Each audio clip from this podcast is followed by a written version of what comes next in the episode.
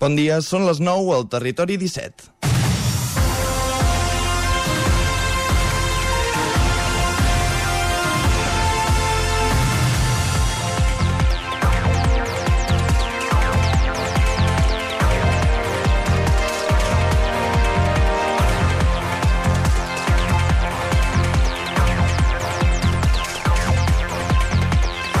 Hi ha fets a la història local que deixen petjada durant anys. A Tona, la política municipal encara fins fa poc ha estat massa marcada per la divisió que hi va haver a finals dels anys 80 per la construcció d'una incineradora. Aquell fet va obrir ferides i recels que, tot i que han passat els anys i la majoria dels polítics que estaven a primera línia ja no hi són, encara suren en l'ambient de la política municipal. Hi ha posicions que semblen irreconciliables i encara que hi ha hagut alternança en el govern, han desaparegut algunes formacions que van néixer durant el conflicte i fins i tot la incineradora ja està clausurada des de fa uns anys, massa sovint la discrepància i els retrets han predominat davant l'acord i el consens. En les últimes eleccions municipals, Tona Avança, una nova formació encapçalada per l'exalcalde Josep Salom, va ser la força més votada i va aconseguir sis regidors. Aixequem i Esquerra, que havien governat en el darrer mandat i que també sumaven sis regidors, van obtenir l'alcaldia gràcies al suport de l'única representant de Junts al consistori, Berta González, que tenia la clau de la governabilitat.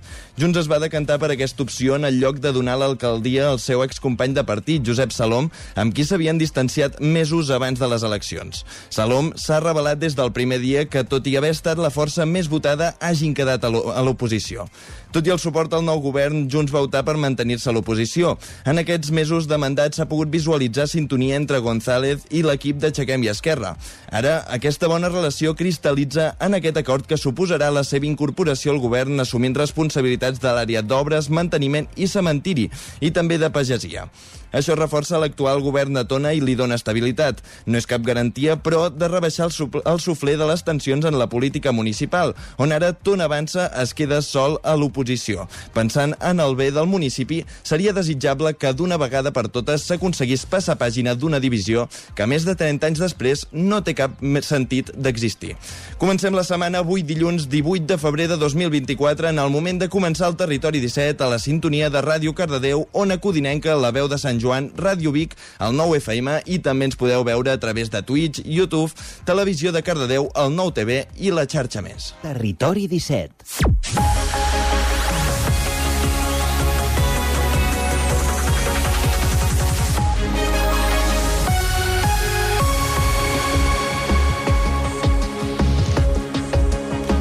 3 minuts que passen de les 9 del matí al moment de començar el Territori 17, el magazín de les comarques del Vallès Oriental, l'Osona, el Ripollès, el Moianès i el Lluçanès, que us fa companyia cada matí dues hores des d'ara fins al punt de les 11. En aquesta primera mitja hora de programa abordarem les notícies més destacades de les nostres comarques amb connexió amb les emissores que de cada dia fan possible aquest programa. També farem un cop d'ull al cel amb en Pep Acostra, el nostre home del temps des d'Ona Codinenca, per avançar-nos la previsió meteorològica. I acte seguit, la Clàudia Dinarès ens portarà fins al quiosc per repassar les portades dels diaris d'avui. A partir de dos quarts de deu pujarem al tren d'Alba amb l'Isaac Muntades recollint la crònica dels oferts usuaris de la famosa línia R3. A l'entrevista d'avui parlarem amb Ramon Roquer, l'alcalde de Sant Joan de les Abadeses, per conèixer els resultats de l'estudi i la proposta de gestió del gorg de la Mala Tosca per evitar que es deteriori. Ell mateix serà els estudis de la veu de Sant Joan amb l'Isaac Muntades. I tot seguit, ja sabeu que ens agrada sortir de l'estudi i avui avui anem fins a Sant Feliu de Codines per conversar amb Lluís Vilalta, director de la prova esportiva i solidària contra el càncer, on, eh, contra el càncer Oncodines Trail. En Roger Rams, des d'Ona Codinenca, hi parlarà de diverses qüestions relacionades amb aquest repte, a falta ara de dos mesos perquè es faci la quarta edició. I un cop avancem, eh, arribem a les 10, coneixerem més notícies destacades de les nostres comarques, el temps, i serà el torn de repassar com ha estat el cap de setmana esportivament parlant pels equips i esportistes de les nostres nostres comarques. A dos quarts d'onze serà el torn d'en Guillem Sánchez, que ens portarà algunes piulades de la xarxa X, o com li hem dit tota la vida, Twitter, i tot seguit arribarem al final del Territori 17, on tenim temps de sobre per parlar del cap de setmana que ens ha ofert el món esportiu després del gol de penal en el temps afegit de Lewandowski aquest dissabte contra el Celta, de l'empat del Madrid contra el Vallecano, de la victòria ara sí del Barça a la fi, de, del Madrid contra el Barça a la final de la Copa del Rei del Bàsquet i les polèmiques que això ha suposat. Tot això al territori Territori 17 d'avui, dilluns 19 de febrer, que comencem a servir-lo ara mateix amb les notícies més destacades de les nostres comarques, les notícies del Territori 17, les notícies del Vallès Oriental, Osona, el Ripollès, el Moianès i el Lluçanès. Territori 17.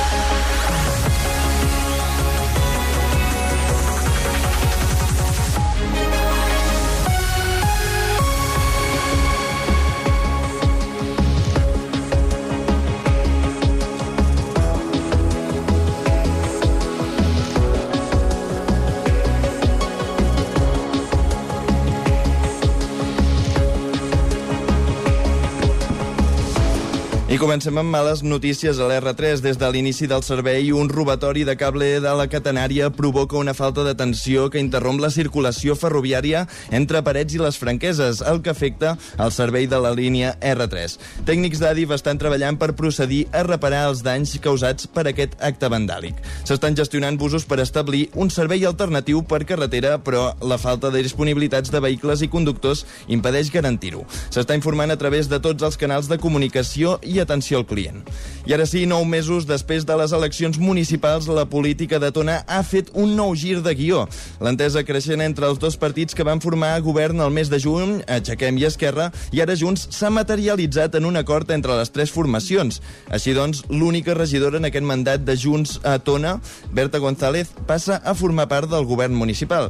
Clàudia Dinarès, el 9FM. La primera gran conseqüència d'aquest acord és que consolida la majoria absoluta del govern tonenc. González s'assuma als quatre regidors d'Aixequem, així com també els dos d'Esquerra Republicana, arribant d'aquesta manera als set representants, un mes que Tona avança. La formació de Josep Salom, que va guanyar les eleccions en vots i obtenint sis regidors, ara queda com a únic partit a l'oposició. Tot i així, l'encaix de peces fins a assolir l'entesa entre Aixequem, Esquerra i Junts no ha sigut cosa de dos dies, un cop coneguts els resultats de les eleccions al maig passat i després d'unes llargues negociacions que es van resoldre al mateix matí del ple d'investidura, González va cedir el seu vot en sentit favorable perquè Lluís Gest d'Aixequem es convertís en l'alcalde de la població, tot i el gest però Junts va decidir mantenir-se fora del govern.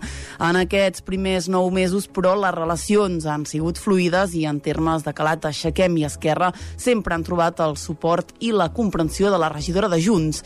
El cas més evident va ser en l'aprovació de les ordenances fiscals que van avançar amb el vot positiu de les tres forces que ara formaran el govern. En el nou govern municipal, González assumirà responsabilitats en la regidoria d'obres, manteniment i cementiri, conjuntament amb l'actual regidor d'Esquerra, Albert Jofre. La regidora de Junts sí que entoma el, de ple l'àrea de pagesia sobre el que assegura que porta temps treballant. Cal recordar que l'acord de govern inicial entre Aixequem i Esquerra marca que l'últim any de mandat l'alcaldia passi a mans dels republicans. La Mancomunitat La Plana presenta el primer pla d'actuació mancomunat que guiarà les actuacions per l'actual mandat entre ara i el 2027. Aquest és el resultat d'un procés participatiu en què han pres part tant treballadors de la institució com electes dels 13 pobles que integren la Mancomunitat. Una de les actuacions més ambicioses és la de liderar la creació de l'Associació de Mancomunitats de Catalunya. Pere Medina n'és el president. Amb les visites que hem anat fent hem vist que cada mancomunitat és té la seva eficiència en diferents processos. Per tant, el que estem fent ara és intentar compartir aquestes experiències d'èxit de les diferents mancomunita mancomunitats i transferir-les entre les diferents mancomunitats. Una de les accions que en breu començaran a desplegar-se és una àrea bàsica de serveis administratius per agilitzar, diuen, l'excessiva burocratització. Jesús Geli és el regidor de Medi Ambient i Sostenibilitat d'Aigua Freda. De fet, moltes vegades eh, aquesta excessiva burocratització ens impedeix fins i tot d'accedir subvencions, fons que estan al nostre abast, però l'accés de burocràcia ens impedeix d'arribar-hi, o d'arribar-hi a temps, moltes vegades. Llavors la Mancomunitat, en aquest sentit, el que ha posat en marxa i estan aquí en el pla, també, doncs és l'estudi i la creació d'una àrea bàsica de serveis administratius mancomunats. Posar aquest múscul administratiu de la Mancomunitat al servei de cada un dels pobles. Per altra banda, estudien construir una planta de biogàs mancomunada com a font de combustible per afavorir la transició energètica i també la creació d'un cos d'agents cívics perquè vetllin el compliment de les ordenances fiscals dels pobles mancomunats. L'execució i evolució del pla d'actuació es podrà seguir dia a dia a través d'un web creat expressament per aquesta finalitat. Gràcies, Clàudia. L'Ajuntament de Caldes de Montbui ha celebrat un ple municipal extraordinari en què s'ha aprovat per unanimitat dos punts relacionats amb els projectes de la rehabilitació de l'antiga escola del Carme i de la construcció del nou Institut Escola Calderí Pic del Vent. Roger Rams, zona codinenca. Exacte, bon dia. D'una banda, pel que fa a l'antiga escola del Carme, que s'ha de convertir en un hotel d'entitats, en aquesta sessió s'ha adjudicat el contracte d'obres a Natur System, una empresa de l'Hospitalet de Llobregat especialitzada en rehabilitacions d'edificis de gran tamany. Un dels principals requisits que l'Ajuntament i els arquitectes municipals demanen a l'hora de tirar endavant aquest projecte és que respectin el pressupost i els tempos. En aquest sentit, el regidor d'Espais Públics i Urbanisme, Jordi Martín, apunta que, malgrat els contratemps, s'està complint amb els terminis terminis establerts. Bé, bàsicament hem, hem comentat en, en tots aquests plens el, el recorregut administratiu per arribar fins on, fins on som ara. Estem complint més o menys els terminis que, que, teníem, que teníem plantejats. No, és, no està sent fàcil, però la veritat és que eh, tant l'Ajuntament com en aquest cas també el, el, el, el món privat estan reaccionant correctament a, a aquesta obra. És un projecte eh, que s'adequa als preus de mercat, així els hi vam demanar des d'un de, des bon principi en els, tècnics, en, els, en els tècnics que van guanyar el concurs d'arquitectura, de, dir-los que no teníem temps per fer modificacions de projecte i per tant que el projecte fos ja molt, molt, molt precís en aquest sentit. Està sent així. En aquest equipament està previst que les obres s'iniciïn en les properes setmanes, a principis del mes de març, i tinguin una durada de 7 mesos. D'altra banda, pel que fa a l'Institut Escola Calderí Pic del Vent, també es va aprovar per unanimitat la contractació de l'obra. Aquest és el pas previ a l'aprovació dels plecs i condicions pel projecte que està previst que s'aprovi en el ple d'aquesta setmana. L'ampliació de l'Institut Escola inclou la construcció d'un nou edifici que ha d'acabar amb 17 anys de barracons en aquest centre i, per tant, al tractar-se d'un edifici nou s'haurà d'adaptar la nova normativa de sostenibilitat. El regidor Jordi Martín va explicar que l'objectiu és començar els treballs durant l'estiu coincidint amb les vacances. Ara és inici de licitació, a la proper ple del, de la setmana vinent, l'ordinari, farem ja la licitació i l'objectiu de, de, de l'Ajuntament seria poder adjudicar inclús començar les obres si poguessin durant aquest estiu aprofitant el, aprofitant el període de, de vacances que és un bon moment per fer, per fer soroll i per bellugar, i per bellugar sorra i, i així al, a l'inici d'escola al, al setembre doncs, eh, hi haurà obra però potser una part ja, ja s'haurà pogut treure de fonaments, etc etc que sol ser el que, més, el que més molesta i que fa més soroll. Tant en el cas de l'Institut Escola Calderí Pic del Vent com en la rehabilitació del Col·legi del Carme es tracta de dos projectes de gran envergadura, dels més grans que s'han fet a Caldes de Montbui i que s'han qualificat com a prioritaris en aquest mandat. Entre tots dos projectes s'invertirà un total de 6 milions d'euros. La gasinera que el grup Molista ha construït al polígon de les Casasses de Vic ha entrat en servei aquest cap de setmana. Clàudia Dinarès. Camions i flotes d'empreses de transport hi podran fer repostatges de dièsel i de gasolina, però també de gas natural comprimit utilitzat en flotes de vehicles de servei i de gas natural liquat. Aquest últim el fan servir camions de gran tonatge, ho explica Bernat Vidal, responsable de les renovables del grup Molist. De moment és un gas fòssil, és un gas natural, és un gas que ja reduïm doncs, CO2, ja reduïm NOx, ja reduïm partícules, evidentment, per tant ja té unes reduccions importants d'efectes contaminants, però segueix sent d'origen fòssil. El que ja hem explicat alguna altra vegada és que volem que aquest gas en un futur bastant immediat, perquè ja n'hi ha, de, comença a haver-n'hi de disponible, sigui d'origen renovable. Això vol dir que el generarem amb una planta de biogàs o de biometà tan a propera com sigui. Aquí se n'estan posant en marxa la comarca, per tant ho tenim, serà ben bé eh, economia circular i molt propera. Bàsicament és fase líquida amb els camions de gran, de gran tonatge, amb els camions internacional ja hi ha targetes professionals, hi ha més de 30.000 vehicles a Espanya només que estan funcionant ja amb aquest tipus de combustible i molta flota internacional que està demanant. Venen amb targeta professional molts d'ells. Eh? El dipòsit de gas natural té una capacitat de 80 metres cúbics suficient pel repostatge de centenars de camions, segons Vidal. L'àrea amb la marca Primer, pròpia del grup Molís, també compta amb un parc tancat per aparcar-hi una quarantena de camions de gran tonatge pensada tant pel transport de carretera local com l'internacional. El complex, de fet, s'ubica a tocar de l'eix transversal. També disposa de dutxes i màquines de vending amb la idea de funcionar funcionar de manera totalment automatitzada. La idea era descongestionar la Junquera, on hi ha molt, molt xòfer que ja no li agrada parar, i llavors la força que està agafant la C25 per esquivar la P7, doncs la C25 està agafant molt trànsit que va cap a Lleida, diguem-ne, i llavors ja tiren cap a Portugal i cap al centre d'Espanya. Uh, tota la Catalunya central, instal·lacions com aquestes, amb pàrquing tan gran i sobretot amb gas natural liquat o comprimit, no n'hi no han fins a Lleida Vull dir que per poder repostar GNL o repostes abans de- d'entregar de, a la C25 o has de tirar pràcticament fins a Lleida amb GNL. L'àrea es completa amb una gasolinera per turismes amb cinc sortidors i està pensada per poder-se ampliar tant a la part de transportistes com a la de turismes, incorporar el subministrament de nitrogen o carregadors per vehicles elèctrics. Ribes ubicarà un espai de cotreball a la Biblioteca Terra Baixa. Isaac Muntades, des de la veu de Sant Joan. L'Ajuntament de Ribes de Freser oferirà un nou espai de cotreball que s'ubicarà a la Biblioteca Terra Baixa i començarà a funcionar a partir del mes de març. El consistori ha signat un conveni amb la cooperativa de Ripoll per tal que s'encarregui de dinamitzar l'espai de forma gratuïta. La zona de cotreball s'ubicarà entre la planta baixa i el primer pis i tindrà capacitat per acollir entre 30 i 35 persones diàries. A més, també es posarà una cafeteria a la planta baixa. Hi ha la previsió d'instal·lar-hi un elevador perquè les persones amb mobilitat reduïda puguin accedir al pis superior. L'alcaldessa Mònica Sant Jaume explicava que volien tenir un espai de cotreball adreçat als emprenedors i també per resoldre dubtes de l'àmbit laboral. A més, la seva ubicació permetrà que no tot sigui al mig del poble i es diversifiqui l'espai. L'horari de la biblioteca també s'incrementarà. La Biblioteca Terra Baixa és oberta cada tarda de dilluns a divendres i eh, en aquest cas la idea és que s'obri de matí, és a dir, matins i tardes i s'està valorant la possibilitat del cap de setmana, sense perjudici de que hi puguin haver activitats, siguin de biblioteca o siguin eh, promogudes per l'espai de- d'enxarxament o, de,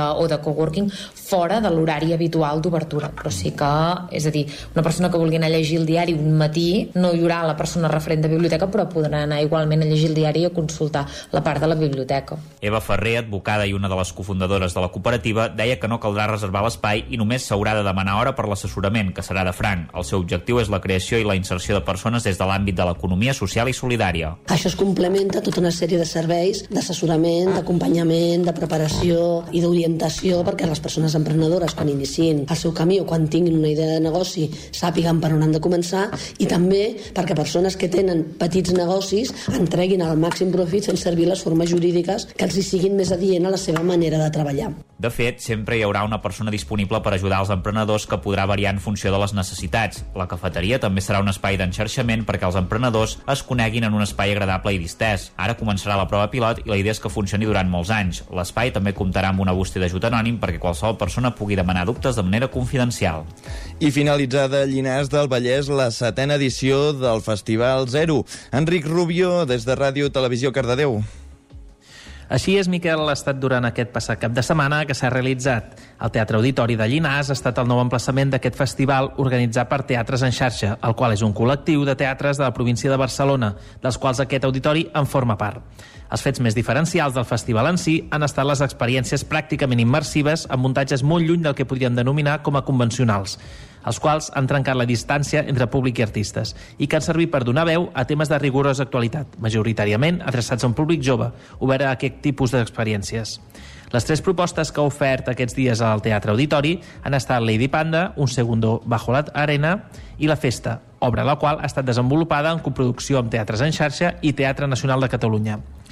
Les tres obres tenen el distintiu GPS, és a dir, Girem Propostes Singulars, un segell que recolza les creacions contemporànies, que treballin llenguatges no convencionals i innovadors ubicats en espais alternatius i amb la finalitat de, mo de mobilitzar nous públics arreu del territori d'una sala de teatre a una altra.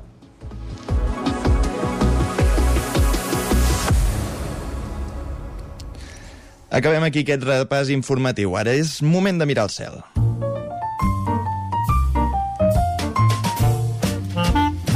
Casa Terradellos us ofereix el temps.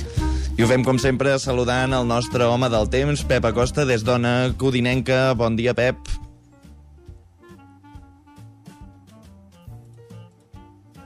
No tenim en Pep. A veure, un, un moment...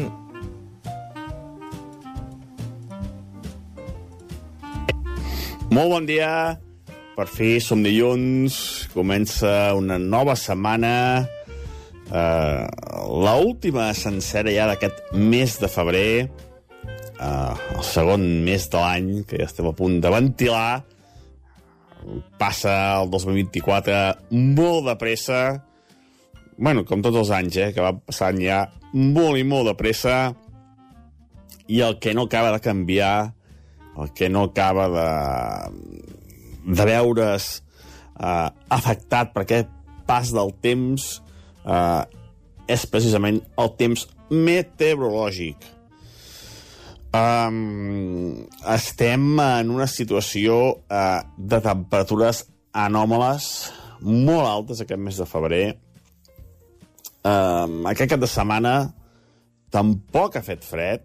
Um, moltes màximes, moltes, eh, per sobre dels 15 graus, um, un ambient uh, molt agradable al migdia, molt poques glaçades a la nit, l'única novetat que vam tenir és aquest, uh, aquesta pertorbació divendres, però que novament va afectar uh, sobretot a la part occidental de Catalunya. Uh, allà sí que hi va haver precipitacions de més de 20 litres a moltes uh, poblacions, que va ser molt, molt beneficiosa aquesta pluja. Uh, cap a Ponent, uh, Pla Lleida, aquestes precipitacions de més de 20 litres, molt bona notícia. Mm, cap al Pirineu, més de 30-40 litres, Pirineu Occidental, uh, molt bona notícia, però a les nostres comarques, novament, eh, quatre gotes, eh, pluges de, de 0,5 litres, mm, no hi ha manera, eh? aquesta zona més seca de, de, de Catalunya, eh, no hi ha manera que, que plogui d'una manera mm, generosa uh, i eficaç. No, no, no hi ha manera. Uh, I avui no plourà. I aquesta nit encara ha sigut uh, més suau, gens de fred, uh, és que no glaça, uh, mínimes uh, de més de 5 graus, uh, a ple febrer, eh? uh, més de 5 graus, a les zones més fredes d'Osona, del Moianès, uh, del Vallès, Uh, és increïble, eh? aquestes mínimes tan, tan altes que estem tenint. Mm, I serà un dia avui també uh, assolellat, pocs núvols, algun núvol, però molt poca cosa, i novament unes màximes uh, superiors als 18-19 graus. Uh, bastantes poblacions, sobretot a la zona de, del Vallès, del peritoral, superarem els 20 graus una altra vegada al mes de febrer. Mm, valors molt, molt inusuals. Uh, a la tarda tampoc, uh, cap variació amb el temps, uh, falca anticiclònica que tenim a sobre, uh, vents uh, molt febles, i això, les temperatures molt més altes del normal. Mm, a veure, a veure si a finals de setmana hi ha previst un canvi, uh, però ja ho veurem, eh? Vull ser molt... Uh, no em vull aventurar a dir que que plourà i que al final no, no faci res. Per això ja anem veient dia rere dia aquest canvi de temps si s'afectarà o no. Moltes gràcies i molt bon dilluns. Adeu. Moltes gràcies, Pep, i fins demà, com sempre. Casa Tarradellas us ha ofert aquest espai. Passen dos minuts, de... són les 9 i 22.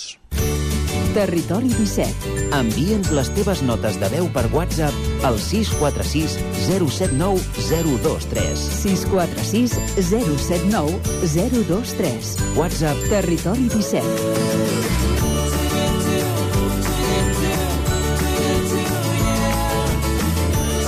Territori 17. Som a Facebook, Twitter i Instagram amb l'usuari Territori 17.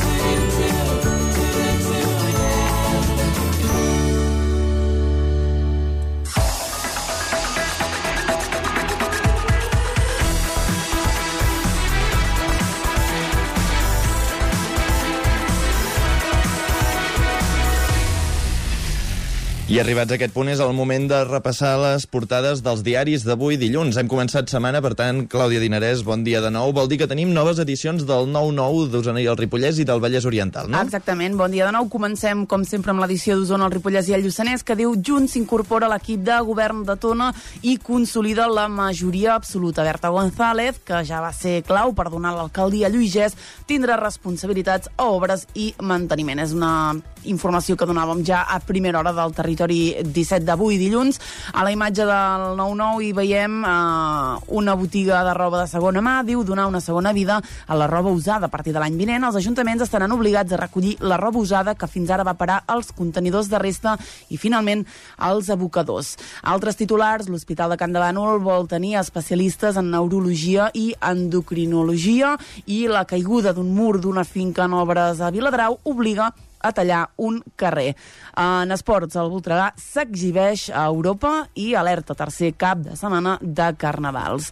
Anem directes a l'edició del Vallès Oriental que diu Vallromanes, l'Atmella i Santa Eulàlia, el podi de pobles ballesans amb més plaques solars per càpita. El nombre d'instal·lacions va augmentar, diu, un 49% l'any passat. Més coses. Insbatec impulsa l'expansió des de Martorelles, diu, les noves instal·lacions permetran doblar la producció. En esports, el Freiking deixa escapar un punt amb el Ciudad Encantada. Uh, un altre titular i ens anem cap a Barcelona. La Roca enllesteix la instal·lació de 26 càmeres amb lectors de matrícules i de seguretat ciutadana.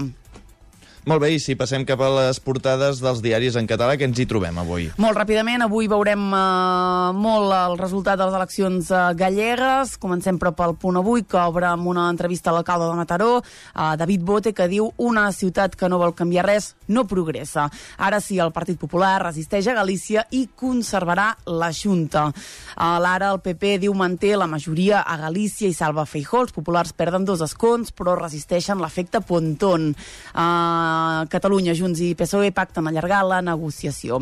El periòdico Feijó guanya la partida Sánchez a Galícia. El PP revalida la majoria absoluta mentre el BNG creix i el PSOE s'enfonsa. Són titulars que es van repetint, també a l'avantguàrdia, que diu Feijó conserva Galícia i el PSOE s'enfonsa a favor del BNG. El PP diu salva la Junta, Rueda obté la majoria absoluta amb 40 escons. Anem molt ràpidament a Madrid. El país diu el PP conserva la majoria absoluta. El PSOE es desploma i queda amb nou diputats, el seu uh, pitjor resultat uh, històric. El Mundo, el PP, arrasa Galícia i Sánchez condueix el PSOE al dalta baix, a la Razón, victòria al PP i debacle del PSOE i a l'ABC el PP revalida Galícia. Doncs moltes gràcies, Clàudia. Veiem que avui hi ha un monotema, aquestes eleccions a Galícia, que al final han donat la majoria absoluta per cinquena vegada consecutiva al PP. Nosaltres fem una petita pausa de 3 minuts i tornem de seguida amb una entrevista.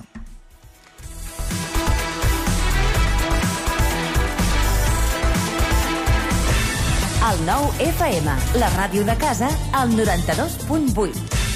Menja ràpid, menja fàcil, el trinxat de les Cerdanyes diu Carlit. Mmm, boníssim! Trinxat Carlit, 100% natural, fet cada dia a Puigcerdà i a punt en un minut. Encara et preguntes què t'emportaràs a la feina o a la uni per dinar? El trinxat de les Cerdanyes diu Carlit. Perill de glaçades? Per evitar problemes a les instal·lacions d'aigua en cas de glaçades, Aigües Vic recomana que es prenguin les mesures adients, protegint-les amb els materials adequats. Aigües Vic recomana la protecció amb Porexpan o amb altres materials aïllants, però sempre fàcils de posar i treure per facilitar la lectura del comptador. Per a més informació truqueu al 93 885 2500 o entreu a aigüesvic.com. Cocodril Club. Si t'agrada la bona música dels anys 60, 70 i 80, escolta el 9 FM als matins de dissabtes i diumenges d'11 a 1. És el temps del Cocodril Club, tot un clàssic de la ràdio, amb les bases del pop-rock, les llegendes, les cançons que s'han convertit en autèntics himnes. Recorda, dissabtes i diumenges al matí, d'11 a 1, al 9 FM 92.8. Cocodril Club, el programa revival de l'Albert Malla. Hasta luego, però què fas, nen? Què passa, bro? Per què em crides? Que les llaunes, brics i envasos de plàstic van al groc. Ah, esclar. Reciclar és massa evident per no fer-ho. Les llaunes, brics i envasos de plàstic, el contenidor groc o el cubell del porta a porta. Generalitat de Catalunya. Sempre endavant. Cada dimarts a les 11 de la nit, al 9 FM, repàs de l'actualitat esportiva a la banqueta. T'imagines un programa de política, d'economia, feina... Doncs ja te'n pots oblidar. Quin tinglado! Un programa d'entreteniment, actualitat, cultura i molt rigorós. Amb Bada Serrat, Miquel Giol i Eudal Puig. Un programa que no passarà a la història i que tampoc guanyarà cap ondes. No ens flipem. Escolta'l cada dijous en directe de 8 a 9 del vespre al 9 FM. Ai, ai, ai, quin tinglado! Cobertes serveis funeraris. Els nostres tanatoris estan ubicats en els nuclis urbans més poblats de la comarca d'Osona per oferir un millor servei.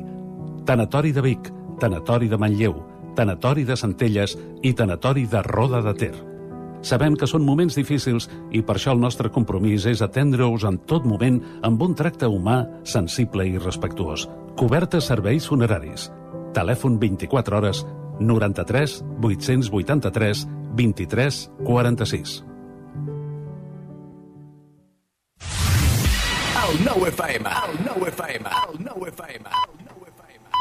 En punt, dos quarts de deu.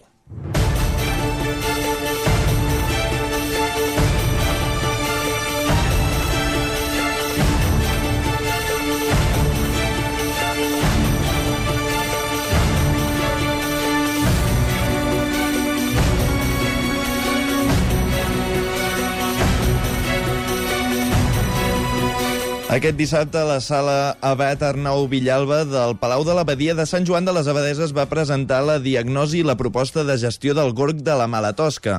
Recordem que aquest espai natural es troba molt a prop del nucli urbà i és un paratge que des de l'Ajuntament de Sant Joan sempre han lluitat per preservar que, es, que no es deteriori. Isaac Muntades. Bon dia, Miquel. I per parlar sobre els resultats d'aquest estudi tenim amb nosaltres l'alcalde de Sant Joan, Ramon Roquer, que ens explicarà tots els detalls. Bon dia, Ramon, i moltes gràcies per ser amb nosaltres al Territori 17. Bon dia a vosaltres per convidar-me. Uh, comencem pel principi, alcalde. No sé quan es veu necessari això, que cal fer un estudi per veure quin és l'estat del gord de, de Mala Tosca, i a qui demanen ajuda i qui els hi fa aquest estudi? Bé, de fet, segurament no hi ha una data exacta. Sí que és veritat que aquests últims anys, sobretot en època de pandèmia, postpandèmia, eh, van ser moltíssimes les persones doncs, que visitaven el Gorg, com també altres espais naturals, vull dir, l'afluència en tots aquests paratges va, es va incrementar, segurament doncs, també per una situació del moment i de necessitat de sortir de les grans ciutats i també de respirar aire més sa, més pur, i bé, en aquell moment, el veure'ns una mica sobrepassats per aquesta sobrefreqüentació de visitants va ser quan vam dir hem de regular, hem de gestionar millor aquest espai, sobretot per protegir-lo, entenent que és un espai doncs, de, de ribera del riu Ter, de fluent del riu Ter, un, un paratge natural protegit, amb, amb, de molt alt valor natural, no? Mm -hmm. Perquè um, quanta gent sol visitar aquest gorg de la Mala Tosca al llarg de l'any? Ens explicaràs una miqueta quins són els mesos amb més, afli amb més afluència? Sí, els mesos de més afluència, evidentment, és primavera, primavera, estiu, tardor, amb una clara diferència amb l'estiu. Eh? Ter, eh, primavera i tardor també, però evidentment no es pot comparar amb els mesos d'estiu. El, el número de persones exactes que visiten el Gorg no el tenim, perquè fins avui no tenim eh, comptabilitzat, comptabilitzat el número de persones. Sí que per eh, diguem, l'estudi seguiment que des de l'Ajuntament s'ha anat fent aquests anys, podem constatar que l'afluència ha sigut en alguns moments, en alguns dies, eh, exagerada, això vull dir de moltíssima gent, i també doncs, amb una sèrie de comportaments que no són propis o més aviat incívics de moltes d'aquestes persones en aquest espai, en aquest espai natural, i per tant d'aquí també una mica la necessitat de posar ordre i de regular també doncs, l'accés en aquest lloc que per altra banda és un espai relativament petit i per tant eh, pot eh, suportar una capacitat mm, petiteta doncs, de, de persones i que de fet això és el que apunta aquest, aquest estudi. Uh -huh.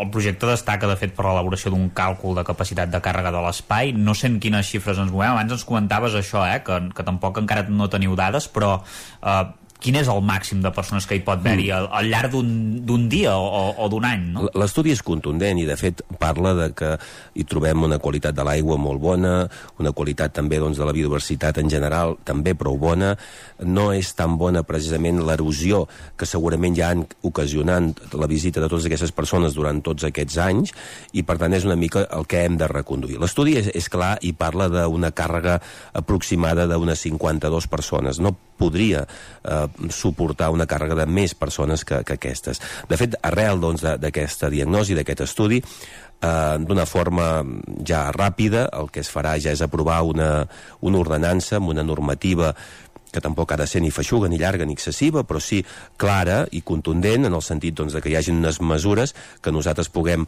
puguem entendre no només aquells que hem de fer, les hem de fer aplicar, sinó també aquells que eh, puguin visitar el Gorg i que per tant doncs, hi hagi ja des de, un, des de ja doncs, un, un cert ordre en l'espai. Gràcies a aquest estudi i esperem doncs, que a través de la Diputació i la Generalitat de Catalunya aconseguim poder disposar d'un informador ja aquesta primavera i si no estiu, estiu proper, que ens permeti comptabilitzar les persones que, que hi vulguin accedir.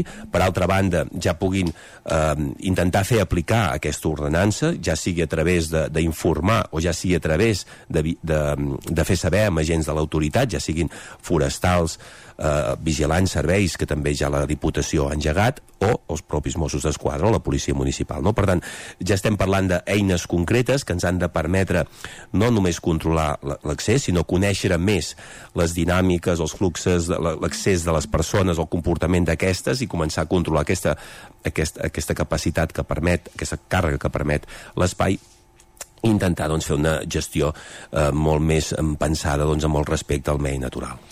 Perquè, si, si no m'equivoco, per uh, treure aquest estudi es va uh, demanar la participació ciutadana a través d'una enquesta en línia. Ens sabries dir més o menys quanta gent hi va participar i una miqueta el que destaca de, dels resultats que van sortir? Sí, de, de fet, van participar unes 157 persones, per ser exactes. Es va fer a través de, de la pròpia web municipal i, per tant, d'una forma més digital, diguem-ho així, però la participació pensem que va ser prou considerable com per eh, pensar que són més que vàlides les opinions d'aquestes persones. Eh, eh, ens van explicar des de um, quan elles visiten aquest gorg, eh, però també ens van, ens van traslladar les seves preocupacions principals i, per tant, allò que consideren que des de l'administració hem de vetllar més, com podria ser l'accés de, de, de deixalles en general, eh? Aquest, aquest, aquestes actituds incíviques, impròpies, que a vegades doncs, bé, les persones poden pensar no? que deixar un paper, que deixar un, una, una petita llauna, etc té, té un impacte poc important i en canvi és molt significatiu perquè estem parlant de, de, de no una persona sinó de moltes persones que visiten un lloc concret i a més donar el valor eh, patrimonial natural. No? Llavors, eh, una, de les, una de les qüestions que més van destacar és aquesta, llavors el tema de l'incivisme, el tema de, de gossos deslligats, bàsicament aquestes coses són les que més, i la sobrefreqüentació que les persones que van contestar l'enquesta percebien quan ells anaven al Gorg, eh? que per altra banda he de dir que eh, els veïns i veïnes de Sant Joan eh, solen eh, visitar el Gorg de forma regular, alguns apuntaven un cop al mes, altres eh, un cop a l'any, eh? però sí que mm, molts d'ells, la veritat és que la freqüència de visita doncs, també és alta i notòria. Mm -hmm. També, a més a més, eh, s'han entrevistat tècnics municipals i responsables polítics, no?, en aquest cas, per fer tot, a, tot aquest estudi. Sí, la veritat és que avui ja tenim exemples d'altres espais naturals, alguns propers a la comarca, però altres de comarques properes, i per tant ja són moltes les autoritats polítiques, de seguretat, tècnics, que precisament ja, ja tenen coneixement de com s'ha de... o com es pot gestionar millor un espai com el Gorg de Malatosca, Sant Joan les Abadeses, i per tant aquests també han participat d'alguna forma amb les seves opinions consideracions amb aquest, amb aquest estudi. La veritat és que e, és bastant més precís del que inicialment ens pensàvem i per tant ens apunta molt més al camí del que realment pensàvem no? i així doncs nosaltres ja d'una forma com deia curt termini ràpida podem començar a treballar amb la gestió d'aquest espai sense haver de parlar inicialment d'un pagament per entrada. D'entrada no, perquè és un espai molt petit, però sí que d'una gestió doncs, realment molt més raonable, molt més, molt més lògica i, i de, de sentit comú. Mm. Perquè quina és la situació del GORC en l'actualitat? Quines mesures uh, més hi ha, hi ha previst que això que s'implementin um, per preservar la seva conservació?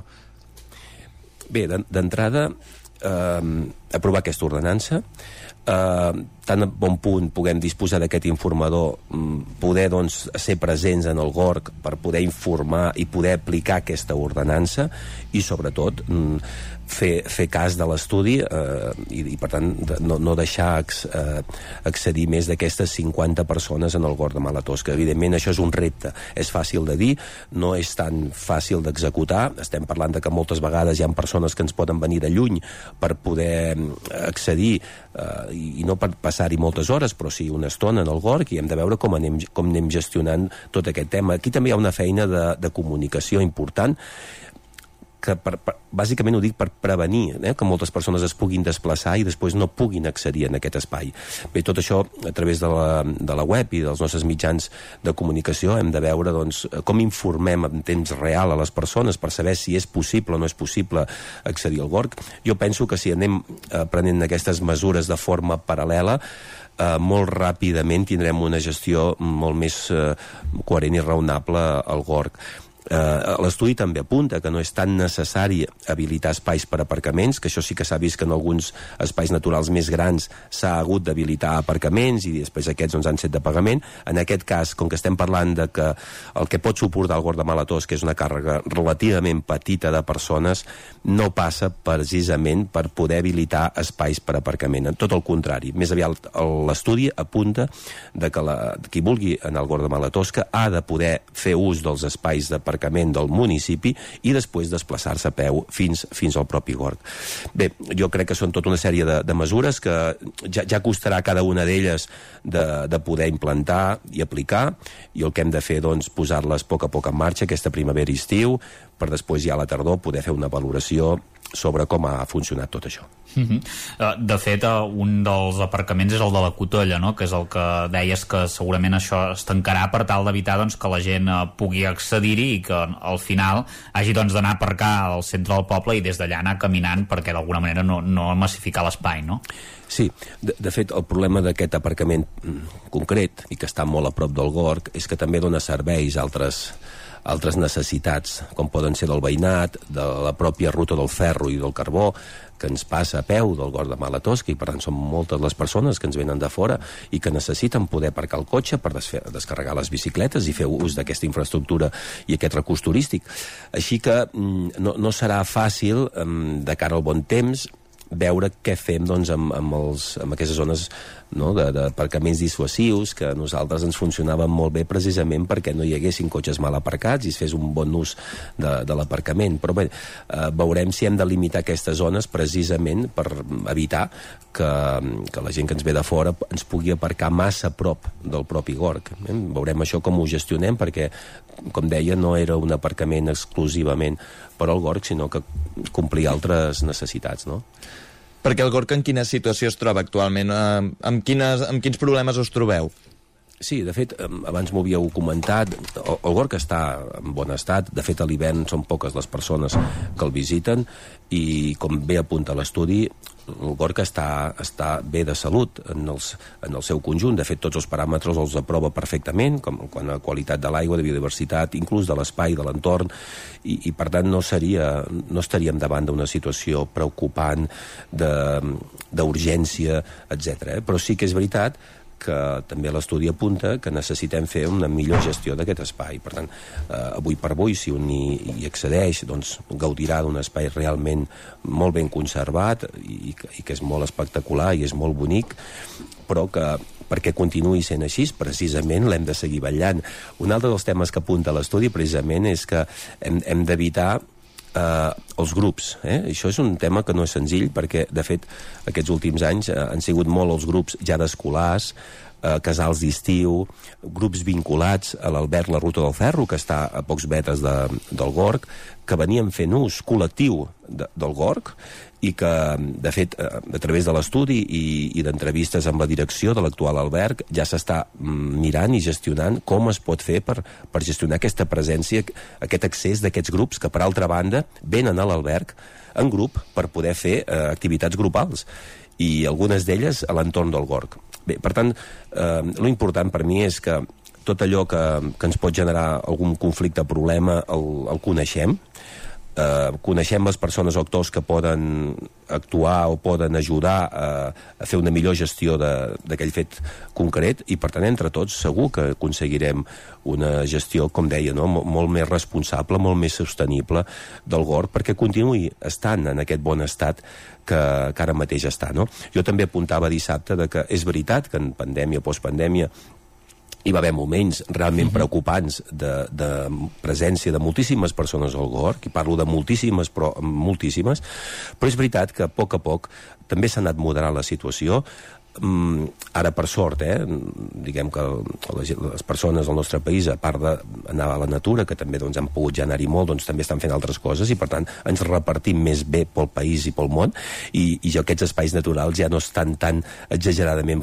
eh, freqüentats com podia ser fa un parell d'anys. Mm -hmm. Sobretot, ara que ho comentaves, eh, alcalde, el tema de que venien autobusos no? en l'època mm. d'allò post-pandèmia, però postpandèmia, però just després de la pandèmia, com aquell qui Sí, diu, no? sí. Que venien en, en massa i, ostres, poder, poder és això, no? Que s'ha d'evitar també fer sí, publicitat com va Realment passant ens vam veure sobrepassats eh, per una situació que no t'esperes i, i per tant es produeix i no saps molt bé com, com atendre i que en altres territoris tenien situacions similars i que tothom es va trobar en una situació molt igual. És veritat que altres espais naturals més grans, amb més eh, eh, segurament més problemàtiques a la vegada, però potser van ser capaços de, de resoldre d'una forma més ràpida perquè mm, allà es podien generar també uns ingressos per fer front a unes despeses que podien ser doncs, amb, amb vigilants, amb informadors ambientals, amb seguretat. En el nostre cas, al tractar-se d'un espai petit, però per altra banda de molt d'interès i molt bonic, eh, el, el, ja, ja ens ho vam haver de prendre diferent perquè dius, bueno, si o, o es posen molts diners recursos públics o difícilment eh, no és possible generar prous diners amb, la, amb el propi espai com perquè ell mateix es faci una autogestió. No? Eh, això segurament ens va, ens va enlentir una mica a l'hora de prendre decisions i, de fet, nosaltres sí que el que vam fer va ser demanar a la Diputació, a través de la seva carta de serveis, poder redactar aquest estudi i la Diputació, com ha vingut fent en molts altres espais, de seguida que va poder, ens ha redactat aquest estudi perquè ara, doncs, juntament amb ells i la Generalitat, puguem seguir gestionant millor aquest espai. Per tant, jo penso que finalment el camí que hem fet és el, és el correcte i el coherent. Potser algú pot pensar que, que, que, hem sigut una mica lents en la gestió, però bé, com deia, el Gorg avui gaudeix d'una bona salut, d'un bon estat, i el que hem de fer és fixar unes bases de regulació i de gestió que no siguin feixugues per ningú, que es puguin fer i que el Gorg doncs, pugui seguir mantenint aquesta salut que, com deia, té. Perquè, eh, ja per acabar, i si pot ser de forma breu, si no m'equivoco, eh, a partir de la massificació de, del que hi va haver precisament en aquest indret, es va habilitar precisament des de l'Ajuntament el camí aquest cara baixa fins a, al Gorg perquè la gent agafava camins més perillosos. Fer una prohibició d'aquest estil no pot ser que provoqui que torni a haver-hi aquesta... El, bueno, més que una prohibició, una limitació, no pot ser que torni a provocar aquest inconvenient de que la gent hi accedeixi per llocs perillosos? Sí, la veritat és que eh, per això, hem, per això hem de fer bé les coses, hem de comunicar-les, informar-les bé. De fet, en el nostre cas es produeix el fet de que fa, fa uns anys, segurament 8-12 anys, quan no, no hi havia accés per, per arribar al Gorg, i va ser el propi Ajuntament que teníem interès en que aquest espai fos conegut, en què es convertís també en un recurs turístic eh, d'àmbit natural o de patrimoni natural, eh, i, i precisament va ser les actuacions que van fer de millora de l'accessibilitat, les que van fer que després es anés eh, coneixent. A Sant Joan també vam tenir la sort de gaudir durant uns anys del Festival Clownia.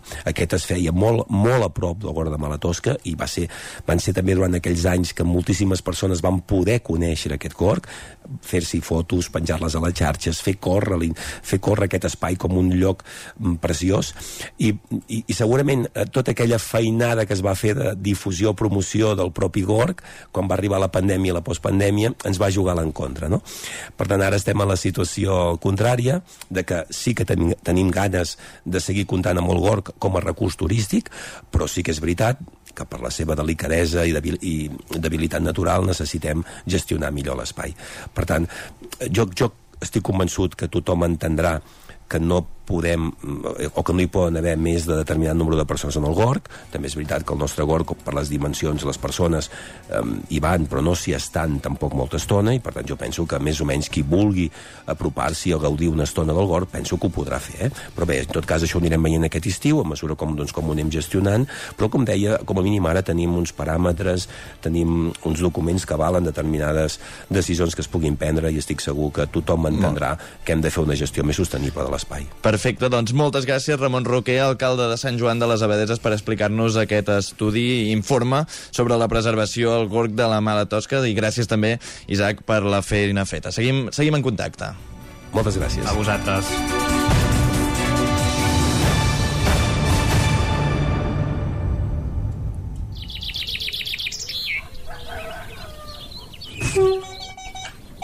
A Tren d'Alba. Cada dia els usuaris i usuàries de la línia R3 de Rodalies que veuen sortir el sol des d'un vagó ens expliquen les gràcies i les penes del primer comboi que uneix Ripoll i Barcelona o les feixugues jornades amb el tren després de treballar. Benvinguts a Tren d'Alba.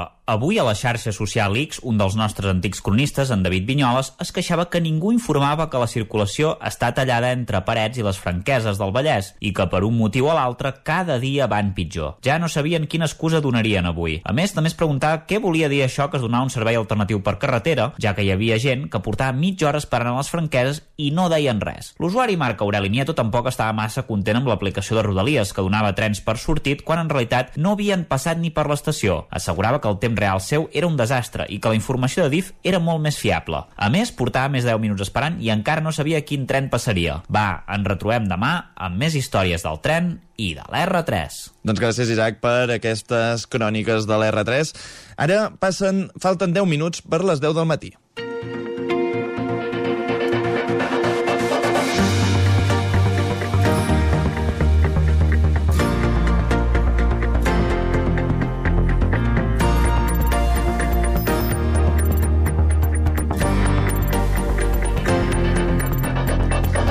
I ja sabeu que ens agrada sortir de l'estudi i avui precisament ho fem cap a Ona Codinenca per conversar amb en Lluís Vilalta, el director de la prova esportiva i solidària contra el càncer Oncodines Trail, a falta de menys de dos mesos perquè es, falti la, perquè es faci la quarta edició. Anem cap a Sant Feliu de Codines. Bon dia, Roger Rams. Bon dia, què tal, com esteu? Doncs exacte, avui volem conversar amb en Lluís eh, Vilalta. El saludem primer de tot, Lluís, benvingut. Hola, bon dia. Què tal? Moltes gràcies eh, per passar avui pels micròfons d'Ona Codinenca. Ens trobem a menys de dos mesos ja de la quarta edició de l'Oncodines Trail, que serà el dia 13 d'abril. Per tant, Lluís, eh, entenc que esteu immersos ja en els preparatius, eh? Sí, ja fa dies que estem a tope. A tope treballant, treballant molt perquè, perquè tot ens va, ens va creixent mica en mica i, i ja, ja tenim molt, molt a sobre. Mm -hmm. Justament això, el créixer, és un dels objectius d'aquesta prova, però abans parlem d'aquest cap de setmana perquè eh, heu tingut força activitat. D'entrada, dissabte vareu fer aquí a Sant Feliu de Codines una presentació en la que hi vau presentar el marxandatge d'enguany, també els trams del recorregut que tindrà la prova, i eh, si no tinc mal entès, vau eh, fer públic un acord amb la plataforma Wikiloc. Explica'ns una mica, Lluís, eh, què és el que ha passat aquest cap de setmana a Sant Feliu. Mira, el dissabte vam fer aquesta presentació de... o sigui, vam presentar una miqueta el recorregut, eh, els desnivells de les etapes, la, la llargada de cada etapa dels tres recorreguts que hi haurà. Vam presentar també el marxandatge, que és, que sí, que és jaqueta, samarreta, eh, un buf i una sèrie de coses que, posarem, que hem posat a la venda ja, que es pot comprar a través de la web i que, i que esperem que la gent els agradi molt. Eh, De fet, ahir de fet, ahir vam, vam vendre, després de l'entrenament, vam vendre moltíssimes peces de roba, moltíssimes, i, bueno, estem molt contents. I llavors, el, el de l'acord amb Wikiloc és un acord que perseguíem feia temps, que després de parlar amb ells diverses vegades i posar-nos en contacte, és una empresa catalana, i perquè nosaltres, una de les coses que tenim és que fem dos ecotrams aquest, aquest any. I els ecotrams els fem sense posar cintes al bosc, sense posar plàstics al bosc, però clar, necessitava una aplicació que fos fiable per poder seguir aquests ecotrams i amb Wikiloc hem arribat a aquest acord que permetrà que tots els participants a l'Oncodines puguin seguir sense tenir que fer cap despesa, puguin seguir amb aquesta aplicació, amb aquesta plataforma, puguin seguir les dues etapes. Uh, a banda, ara ho comentaves, aquest diumenge heu fet el segon entrenament dirigit, ha estat a, a Castellterçol, on hi han assistit 450 persones, eh? déu nhi una mica explica'ns la valoració que fas d'aquests entrenaments, perquè també el que vau fer a, a Canovelles o a les Franqueses també va ser uh, molt, molt seguit, diguem. Sí, sí, sí, aquesta vegada vam tenir 400, sí, 450, eh, representant a 114 equips, que això ja és... déu nhi perquè de- d'algun equip no venien tots, venien, jo que sé, un o dos, però representant 114 equips. Per tant, ja hi ha molta gent enxufada, molta gent amb ganes de, de, de ser-hi. A més a més, hi havia molta gent que ni nosaltres mateixos els coneixíem, vull dir que no els havíem vist mai. I, i bé, bé, que tothom està amb moltes, moltes ganes. Va ser un entrenament molt xulo perquè Castellterçol ens ho ha posat molt fàcil, perquè Castellterçol té moltes ganes d'oncodines i, i, i la veritat és que, a més a més, té un entorn fantàstic per poder fer aquestes coses. Ara ens explicaves una mica que van venir representants de diversos equips inscrits. Per, per cert, l'objectiu d'enguany, un dels objectius d'enguany era arribar als 200 eh, equips, una fita que ja vau aconseguir a finals de gener. Eh, la, eh, imagino que la valoreu molt positivament i explica'ns una mica què passa amb la gent que, que encara té ganes d'apuntar-s'hi. Bé, la llista d'espera es tanca avui. Avui és l'últim dia per la llista d'espera. Llavors, en la llista d'espera, aquests moments, hi han uh, 40 equips, 40 i alguna no sé si n'hi ha algun més, eh? des d'ahir no ho sé. Déu-n'hi-do. Uns 40 equips. I llavors, ara nosaltres aquesta setmana ens reunirem, mirarem, eh, valorarem les possibilitats que tenim d'encabir més equips i, i publicarem, mica en mica, els equips que, que, que els incorporem ja en la, en la prova. També hem de mirar els qui no han fet l'aportació que vam demanar mínima de 100 euros, que els qui no han fet l'aportació mínima de 100 euros passaran a llista d'espera, i els que hi, entra, hi, hi entraran directament els primers que estan en llista d'espera. Això abans de, de triar després si podem encabir més gent. El, el, tema, el problema que tenim principal nosaltres és els aparcaments dels cotxes de suport. A cada poble tenim uns aparcaments assignats i hem de veure eh, si a tots els pobles que hem d'anar hi caben tants cotxes com, com, equips, com equips vindran. Al final hi ha pobles petitons que, que tenen menys espai d'aparcament i és més complicat eh, arribar al punt d'avituallament. Per, per tant, ja, ja podem eh, dir a hores d'ara que hi haurà més de 200 eh, equips eh, en aquest Oncodines? I tant, i tant, sí, més de 200 equips. Sí, home, i més de 220. Déu-n'hi-do, déu nhi déu aquesta, sí, home. aquesta prova que, com apuntaves al principi, va creixent. única que ens dona que hi hagi tants equips perquè puguem participar al màxim de gent possible. Farem els esforços perquè entri tothom, si pot ser. Mm -hmm. L'altre objectiu... No ens, fa, de... no ens fa por que hi hagi, que hi hagi gent participant, no. La, no, la, por, la por més que res és el problema de col·lapsar el trànsit a, a dins dels pobles i que quedin els cotxes bloquejats allà i no puguin sortir. Aquesta és l'única por que tenim. Tot el que més, per la gent, no ens fa por, no ens fa por ni que tinguem que fer més bosses, ni que tinguem que portar més menjar, ni que no ens fa por això. Bé, això, no, això ens fa, ens anima, a més a més. Mm. Per tant, la, la logística eh, seria el, taló d'Aquiles d'aquest creixement, diguem? Sí, però no la logística nostra, eh, sinó la logística del, del trànsit dels aprenents.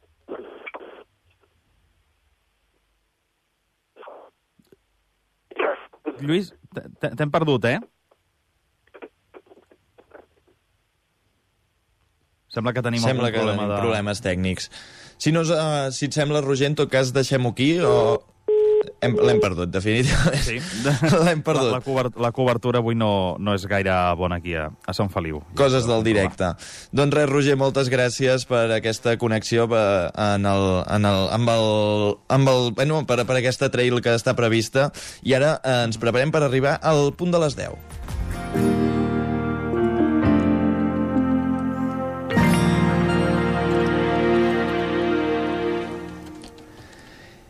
Uh, I ho fem, uh, estem a punt d'arribar al punt de les 10 amb música, i és que la Fumiga i els Tiets s'han ajuntat per treure una nova una cançó conjunta. Es diu Covards i la sentim des d'ara fins al punt de les 10 al Territori 17. Vine i torna'm a abraçar però apretant ben fort que em dóna just per respirar que no sabem quan tornaràs. I sempre ens passa igual tots els fantasmes venen quan te'n vas. L'amor ho ha silenciat i alhora tot es trenca en el comiat. Mai volem per a quedar-nos i mai junts hem aterrat. Ha sigut inoblidable però mai hem despegat. Som tan covards som tan la distància ja no fa mal,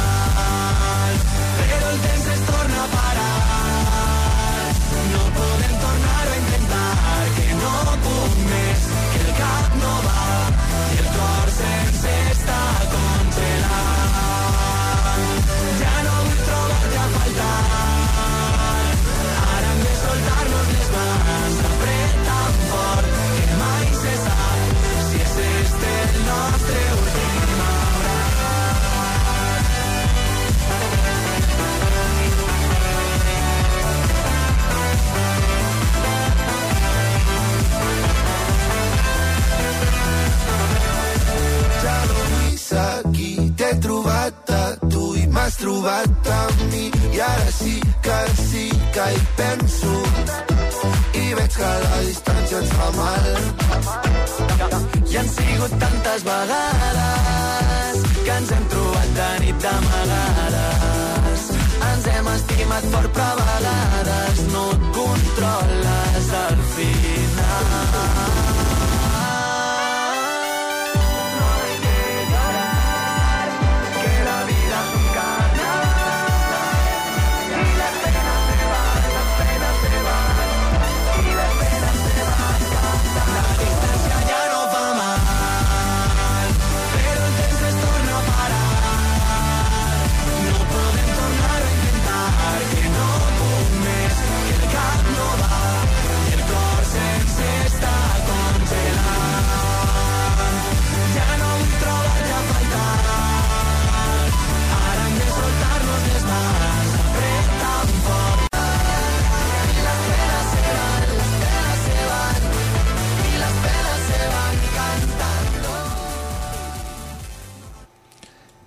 Són les 10. Territori 17.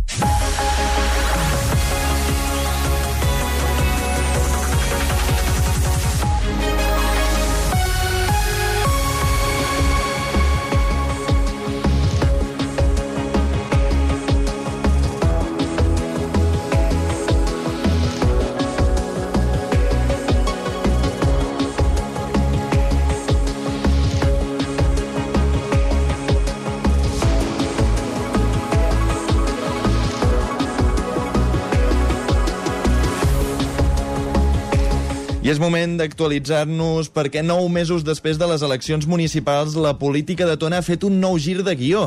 L'entesa creixent entre els dos partits que van formar el govern el mes de juny, Aixequem i, i Esquerra, i ara Junts s'ha materialitzat amb un acord entre les tres formacions. Així doncs, l'única regidora en aquest mandat de Junts a Tona, Berta González, passa a formar part del govern municipal.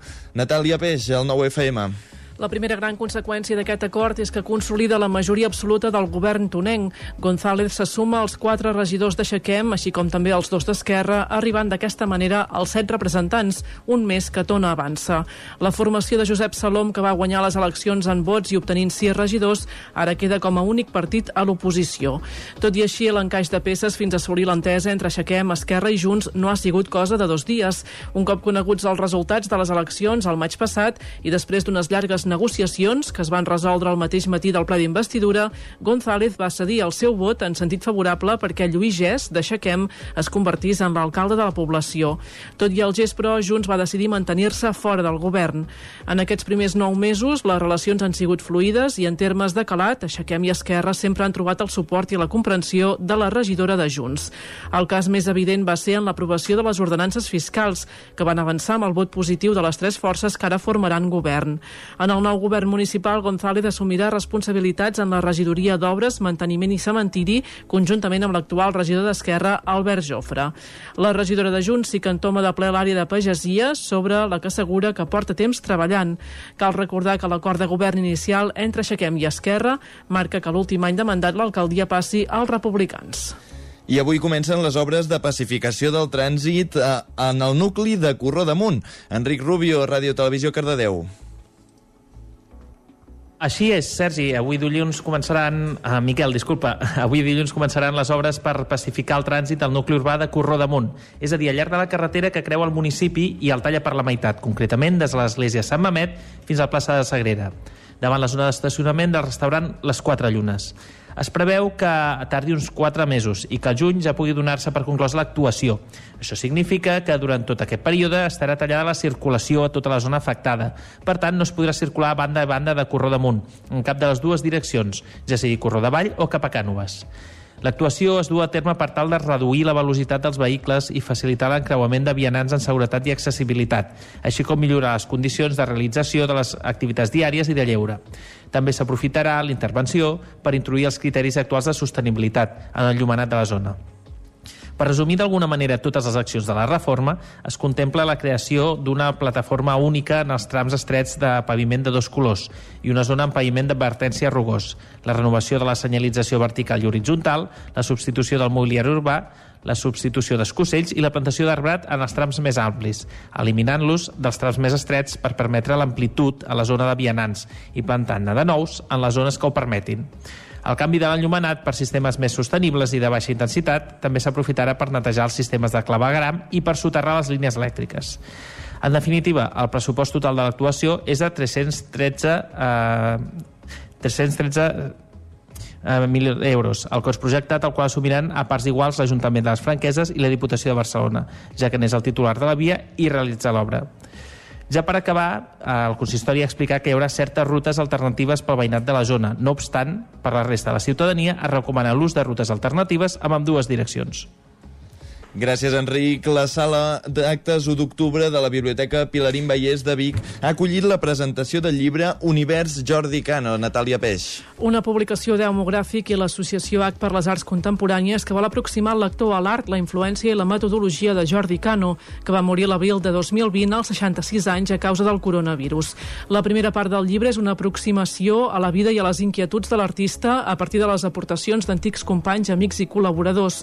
Sota el títol de les idees a la pràctica disseny i pedagogia, la segona part del llibre se centra en la seva metodologia i figuren les classes, els seus mètodes d'ensenyament, disseny i direcció d'art. En parla Glòria Picazo, qui va comissariar l'exposició Univers Jordi Cano a l'ACVIC l'any 2022.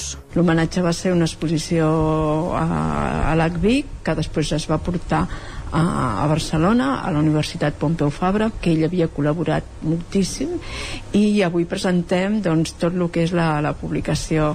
Avui parlàvem doncs, que realment la publicació el que hem fet és eh, intentar vull dir, tancar un, malauradament un cicle no? donant tota la, la primera part és la seva tasca com, com a artista, com a pintor, no?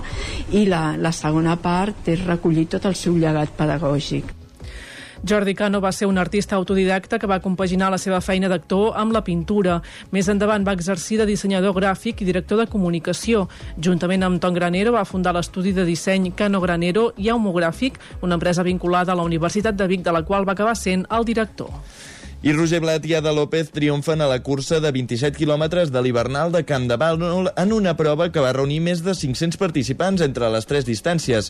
Isaac Muntades des de la veu de Sant Joan. Roger Blat, del Chino Trail Team, es va imposar a la cursa de muntanya de 27 quilòmetres i 1.800 metres de desnivell positiu de la dotzena edició de la hivernal de Camp de Bànol aquest diumenge. Blat va fer un temps de 2 hores 42 minuts i 18 segons. La segona posició va ser pel camprodoní Albert Llong, que havia guanyat les dues darreres edicions de la prova llarga i la marató el 2019 2019 i 2020. El podi el va completar Sergi Padulles. En la categoria femenina va vèncer la candavanolenca Ada López de Lotso amb un temps de 3 hores 32 minuts i 30 segons, seguida de Sabrina Solana i Vanessa Sirvetxes. En la cursa de 14 quilòmetres i 750 metres de desnivell positiu, Jaume Miranda en va ser el vencedor aturant el cronòmetre en 1 hora 7 minuts i 24 segons. Blai Roca i Carla Sunyer van acompanyar-lo al podi. La dona més ràpida va ser Ari Carbonell amb una marca d'una hora 21 minuts i 6 segons, mentre Eugènia Miró va ser segona i Sílvia Roca tercera. Entre les dues curses i la caminada de 10 quilòmetres van participar un total de 504 corredors i caminadors, que van gaudir d'un dia primaveral amb força calor, un fet que ja comença a ser molt habitual en cadascuna de les edicions de la prova.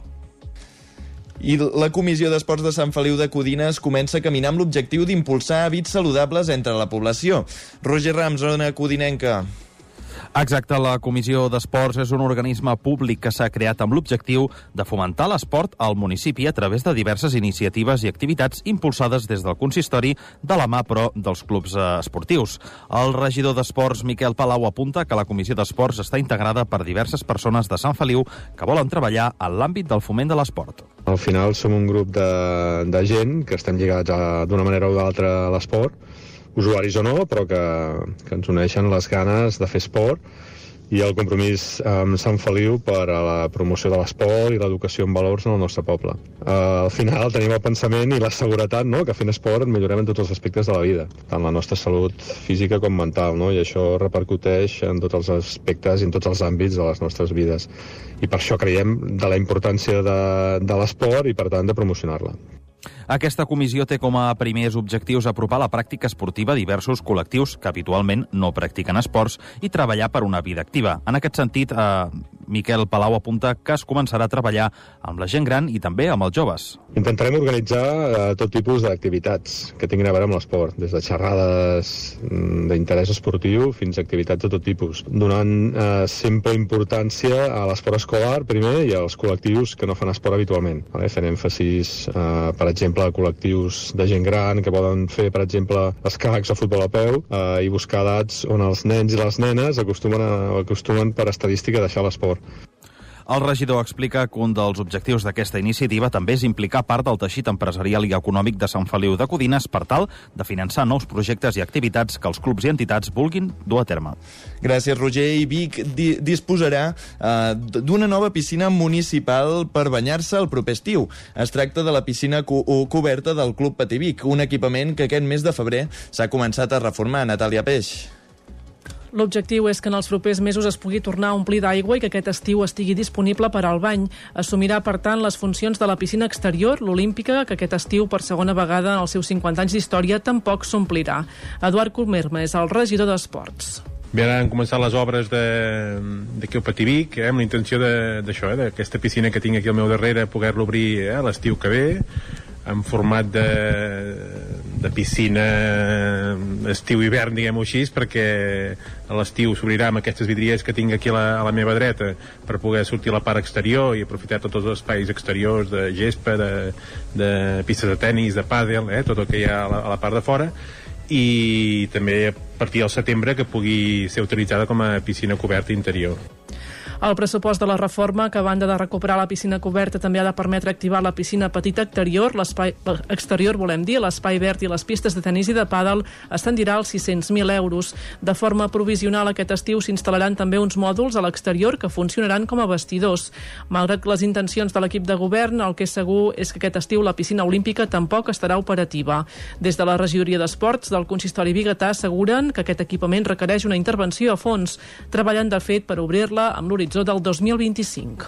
Doncs la piscina exterior, diguéssim que està tan defectuosa, diguem-ho així, eh, que no, no podíem fer arreglar-la amb una reforma, eh, i, i, eh, i això passa per fer un nou projecte eh, de piscina. Esportivament eh, ha semblat interessant eh, en totes les consultes que, que hem fet de mantenir el bas, per tant les mides de 50 metres sembla que són molt interessants pels nedadors, per la gent que li agrada nedar, per tant això ho volem mantenir, la, la fundària la volem reduir, és una, una, una piscina de 4,80 em sembla, la part més fonda, que hi havia, hi havia hagut uns antics trampolins i per tant això ja, ja, no, ja no toca. Eh, sí que per tant hem de reduir molt la, la, la fundària, ha de ser una piscina bàsicament eh, que gairebé que es toqui a tot arreu segurament accessible eh, ens agradaria poder-ho fer amb rampa eh, que fos accessible a tothom de forma fàcil amb l'obertura de la piscina coberta com a instal·lació d'estiu caldrà protegir per qüestions de seguretat el forat de la piscina olímpica exterior. L'Ajuntament treballa amb la idea de tapar amb terra una part de l'equipament i limitar el que durant uns mesos i de forma excepcional es convertirà en una zona de pas.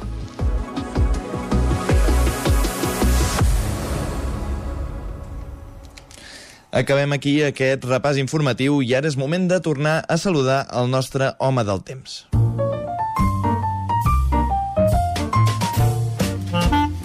Casa Terradellos us ofereix el temps. Saludem un altre cop el nostre home del temps, Pep Acosta. Tornem a Ona Codinenca. Bon dia de nou, Pep. Molt bon dia a les nostres comarques. Novament, eh, quatre gotes, eh, pluges de, de 0,5 litres. No hi ha manera, eh? aquesta zona més seca de, de, de Catalunya, eh, no hi ha manera que, que plogui d'una manera mm, generosa, i eficaç. No, no, no hi ha manera. Uh, I avui no plourà. I aquesta nit encara ha sigut uh, més suau, gens de fred, uh, és que no glaça, uh, mínimes uh, de més de 5 graus, uh, a ple febrer, eh? Uh, més de 5 graus a les zones més fredes d'Osona, del Moianès, uh, del Vallès. Uh, és increïble, eh? Aquestes mínimes tan, tan altes que estem tenint. Mm, I serà un dia avui també eh, assolellat, pocs núvols, algun núvol, però molt poca cosa, i novament unes màximes eh, superiors als 18-19 graus. Eh, bastantes poblacions, sobretot a la zona de, del Vallès, del peritoral, superarem els 20 graus una altra vegada al mes de febrer. Mm, valors molt, molt inusuals. Eh, a la tarda tampoc, eh, cap variació amb el temps, eh, falca anticiclònica que tenim a sobre, eh, vents eh, molt febles, i això, les temperatures molt més altes del normal. Mm, A veure, a veure si a finals de setmana hi ha previst un canvi, eh, però ja ho veurem, eh? Vull ser molt... Eh, no em vull aventurar a dir que, que plourà i que al final no, no faci res, per això ja anem veient dia rere dia aquest canvi de temps si s'afectarà o no. Moltes gràcies i molt bon dilluns. Adeu. Fins demà, Pep, que vagi bé. Gràcies. Casa Tarradellas us ha ofert aquest espai. Ara mateix, un quart d'onze del matí.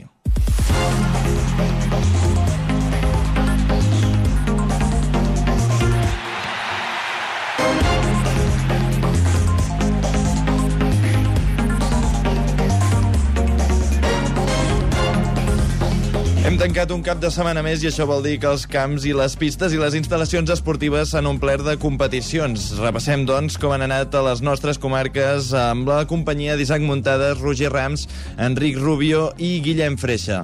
Isaac Muntades, des de la veu de Sant Joan, si vols comencem amb tu, si et sembla.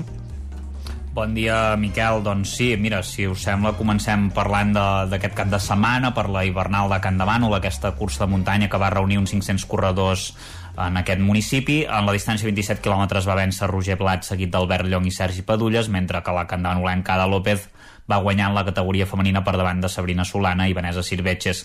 En la cursa de 14 quilòmetres la victòria va ser per Jaume Miranda, el podi el van completar Blai Roca i Carla Sunyer, mentre Cari Carbonell va vèncer en la categoria femenina seguida d'Eugènia Miró i Sílvia Roca. Pel que fa al futbol, el grup 3 de la tercera catalana, el Bànol es van portar el segon derbi seguit, aquest cop contra el Camprodon per 3 a 2, en un partit on els Camp es van avançar ben aviat amb un gol d'Omar en un xot ras, però Martínez en un xut creuat després de diplar-se el porter va aconseguir l'empat abans del descans. A la segona part, el Camp eh, va posar un avantatge de dos gols amb, un, eh, amb una diana d'Adriel de falta i una altra d'Omar en un córner, en rematar de cap, i en els últims minuts Jordi golaç per l'escaire va posar emoció, però eh, ja es va quedar el 3 a 2 de, definitiu. Amb la victòria el Canal supera el Camprodon a la classificació i ja és vuitè amb 27 punts, mentre que el Camprodon se situa novè amb 26. Qui no aixeca cap és la, la Badesenc, que va empatar un gol al camp del Font Cobert en un partit on van estar negats de cara a porteria. Rodríguez va avançar els locals en aprofitar el refús del porter i només la va haver d'empènyer a dins de la xarxa, mentre que Gómez va empatar abans del descans amb un remat amb l'interior del peu al segon pal amb una centrada de Dani. La Badesenc es manté segon amb 36 punts, però les sensacions no són tan bones com en la primera volta del campionat. A la primera nacional catalana d'hoquei patins, l'hoquei Club Ripoll es va desfer del Coel, malgrat per un contundent 6 a 3, amb dos gols de Devesa, dos d'Oriol, un d'Enric i un d'Estabanell. El Ripoll, hem de dir que aviat es va posar amb un 2 a 0, els visitants van aconseguir empatar, però abans del descans eh, ja anaven guanyant per 5 a 2 i a la segona part eh, van sentenciar al maig. Ara són eh, vuitens amb 27 punts i s'escapen de la zona calenta de la classificació. Qui també mira amunt a la Lliga Nacional Masculina de Futbol Sales del Ripoll, que va aconseguir una contundent golejada per 9 a 2 davant la Raona, en un partit en què el descans ja guanyaven per 5 a 0. A la segona part ja van caure la resta de gols, i excepte el porter, tots els jugadors de camp van marcar. Van marcar dos gols Cortés, dos Reixac, un Rivera, Dani, Pere, Carlos i Sunyer.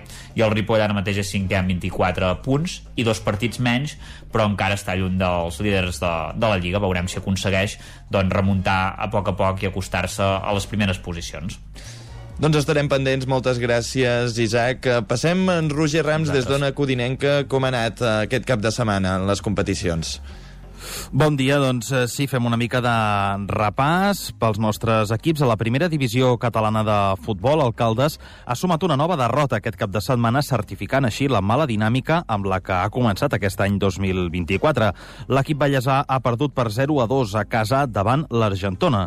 Amb aquest resultat, el Caldes perd dues posicions a la taula i ara mateix és quart amb 29 eh, punts. A la segona divisió catalana, encara parlant de futbol, el grup 4, el Sant Feliu de Codines, ha encaixat una nova golejada aquesta temporada, després d'una bona ratxa de partits, aquesta jornada ha perdut per 4 a 0 a camp del Rubí Atlètic. Amb la derrota, els codinencs també perden posicions i ara mateix són avantpenúltims amb 19 punts. I acabem el repàs futbolístic a la tercera catalana, el grup 4, on el Mollà també va caure per dos gols a un en la seva visita a l'Olímpic La Garriga. Els moianesos cauen dues posicions fins a situar-se novens amb 24 punts. Passem ara a l'hoquei patins, a l'hoquei Lliga masculina. El primer equip del rec amb les arcaldes també va perdre el seu compromís. Va ser per 2 a 4 a domicili i davant al Liceo. Els calderins, però, es mantenen descens a la classificació, una classificació molt ajustada amb 22 punts. Per la seva banda, a l'Hockey Lliga Plata, encara parlant d'hoquei patins, el Sant Feliu de Codines va caure per 3 a 5 a casa davant el Digitec Capital del Vi, el líder de la Lliga. El resultat, però, no altera en aquest cas la classificació, ja que els codinencs són sisens amb 19 punts. I acabem el repàs esportiu a la Lliga Nacional Femenina d'hoquei patins també, on Alcaldes van patar a 3 amb el Sant Cugat, mentre que les noies del Vigues i Riells van guanyar per 1 a 3 en la seva visita a la pista del Vilassana. Doncs moltes gràcies, Roger. Saltem de Sant Feliu de Codines cap a Cardedeu. Enric Rubio, què hi podrem trobar? Eh, Què, què, com ha anat el cap de setmana, més que què hi podrem trobar? Doncs, Goita, Miquel, crec que ens has portat sort, eh? ja que ja veuràs que el, el còmput global ha, ha, sortit bé. Vinga, va, comencem. Com sempre, pel futbol de casa, on el primer equip ha jugat contra el Parets i ha perdut 1 a 2. L'equip filial, en el seu lloc, també ho ha fet contra el respectiu del Parets, però només ha aconseguit empatar, amb un marcador final de 3 a 3. Qui sí que ha fet els deures i de quina manera han estat els del futbol granollers, i és que han arrencat un 0 a 5 al camp de la Guinaueta, dins de la Lliga Elit. I si ens fixem ja cap a l'handbol, començarem per dir-vos que el Freaking Granollers només ha pogut empatar contra el Remi Balonmano Cuenca, quedant 29 a 29 en el moment de la bocina. Però ara mirem cap a casa, va, cap a l'handbol Cardedeu i les seves categories femenines. I és que déu-n'hi-do lo bé que ha anat la jornada. Comencem, això sí, per les dels sèniors, les que sempre us comentem, i és que han guanyat els Sants per 23 a 27 fora de casa. I això vol dir que segueixen terceres a la classificació, a dos punts de les segones, i només a cinc de les primeres. El dels, les del Prebenjamí també han obtingut victòria, i és que han guanyat per 10 a 6 a les de la Salle. No han estat tan, de tanta sort les benjamines, que han perdut per 4 a 12 contra les franqueses, i les del juvenil i les del cadet han competit amb el Guisona. I les dues n'han sortit triomfants, les primeres fora de casa per 21 a 23 i les segones a Cardedeu, per poca broma 27 a 18. I ja per acabar sí que direm que tot i que no ha donat tot i que no han donat, ho han donat tot al camp, sí que no han pogut fer res per tornar amb els punts cap a casa. Han estat les de l'infantil, que han perdut contra l'Argentona, 31 a 23, i les de l'Alaví, que han acabat 4 a 12 contra la Roca. Moltes gràcies, Enric. I fem una última parada aquí al 9FM, aquí, des d'aquí Vic, amb, amb en Guillem Freixa. Guillem, molt bon dia. Què, hem- què, què hem trobat aquesta setmana? Bé, doncs, uh, bon dia. Aquest uh, cap de setmana hem de destacar, per sobre de tot, la nit europea que es va viure a l'Oliveres de la Riba, al pavelló del Voltregà, del Voltregà Movento Estern. Realment, uh, un partit espectacular dels voltreganesos en l'anada dels quarts de final de la World Skate eh, Europe. És la segona màxima categoria europea, la segona màxima competició europea. El Voltregà defensa títol, va aconseguir aquest títol la temporada passada i vol tornar-hi, vol tornar a guanyar-la, ho va deixar clar aquest cap de setmana, perquè contra el Braga va aconseguir golejar 8 a 3, eh, magnífic eh, resultat, eh, sobretot amb una gran segona part. A la primera, els portuguesos que van resistir, es va arribar al descans amb empat a dos gols, però en la segona part sí que els jugadors de Lluís Teixidor doncs, van passar per sobre dels portuguesos, van anar caient els gols i al final aquestes cinc dianes d'avantatge que podran emportar-se cap a Portugal, eh, un bon marge per defensar a terres eh, portugueses en la tornada d'aquests quarts de final que s'haurà de jugar el 16 de març. En cas de passar l'eliminatòria, de superar aquests quarts de final, el Voltregà que es tornaria a plantar a la Final Four, a la final a 4, per tant, a la part decisiva de la competició i, com dèiem, amb aquest objectiu entre cella i cella de revalidar el títol. En la Hockey Lliga femenina, encara amb hoquei patins, el Voltregà Momento Extern no jugava el cap de setmana, sí que ho va fer el Martinelli a Manlleu i no hi ha manera de consolidar el bon joc i els bons resultats per part de les manlleuenques perquè aquest cap de setmana a la pista d'un dels equips de la part baixa el Manlleu va perdre 2 a 1, es van avançar les jugadores de Jordi Boada, però el Benvibre va capgirar el resultat abans del descans i en la segona meitat el Martinelli a Manlleu ho va intentar de totes les maneres, va portar la batuta del joc, va tenir les millors ocasions per marcar, però va topar una vegada i una altra amb la portera del conjunt eh, lleonès i també amb els eh, pals. Baixem un grau de categoria, en aquest cas eh, masculina, ens situem a la Hockey Lliga Plata, on hi tenim tres representants. Anem al grup nord, on el Martinelli a Manlleu eh, jugava a Galícia, a la pista de l'Ordes, un Martinelli a Manlleu que sense brillar es va mostrar molt superior al conjunt gallec, va guanyar 0 a 3, la resistència de l'Ordes, que va durar 20 minuts, el temps que va trigar el Manlleu a marcar el primer gol, i a partir d'aquí, sense efectivitat, perquè no van poder aconseguir un marcador molt ampli, però sí que el Martinelli a Manlleu doncs, eh, va controlar en, tant, en tot moment, tant a la pista com en el marcador, Martinelli a Manlleu, que és ara mateix a sisè a la taula classificatòria.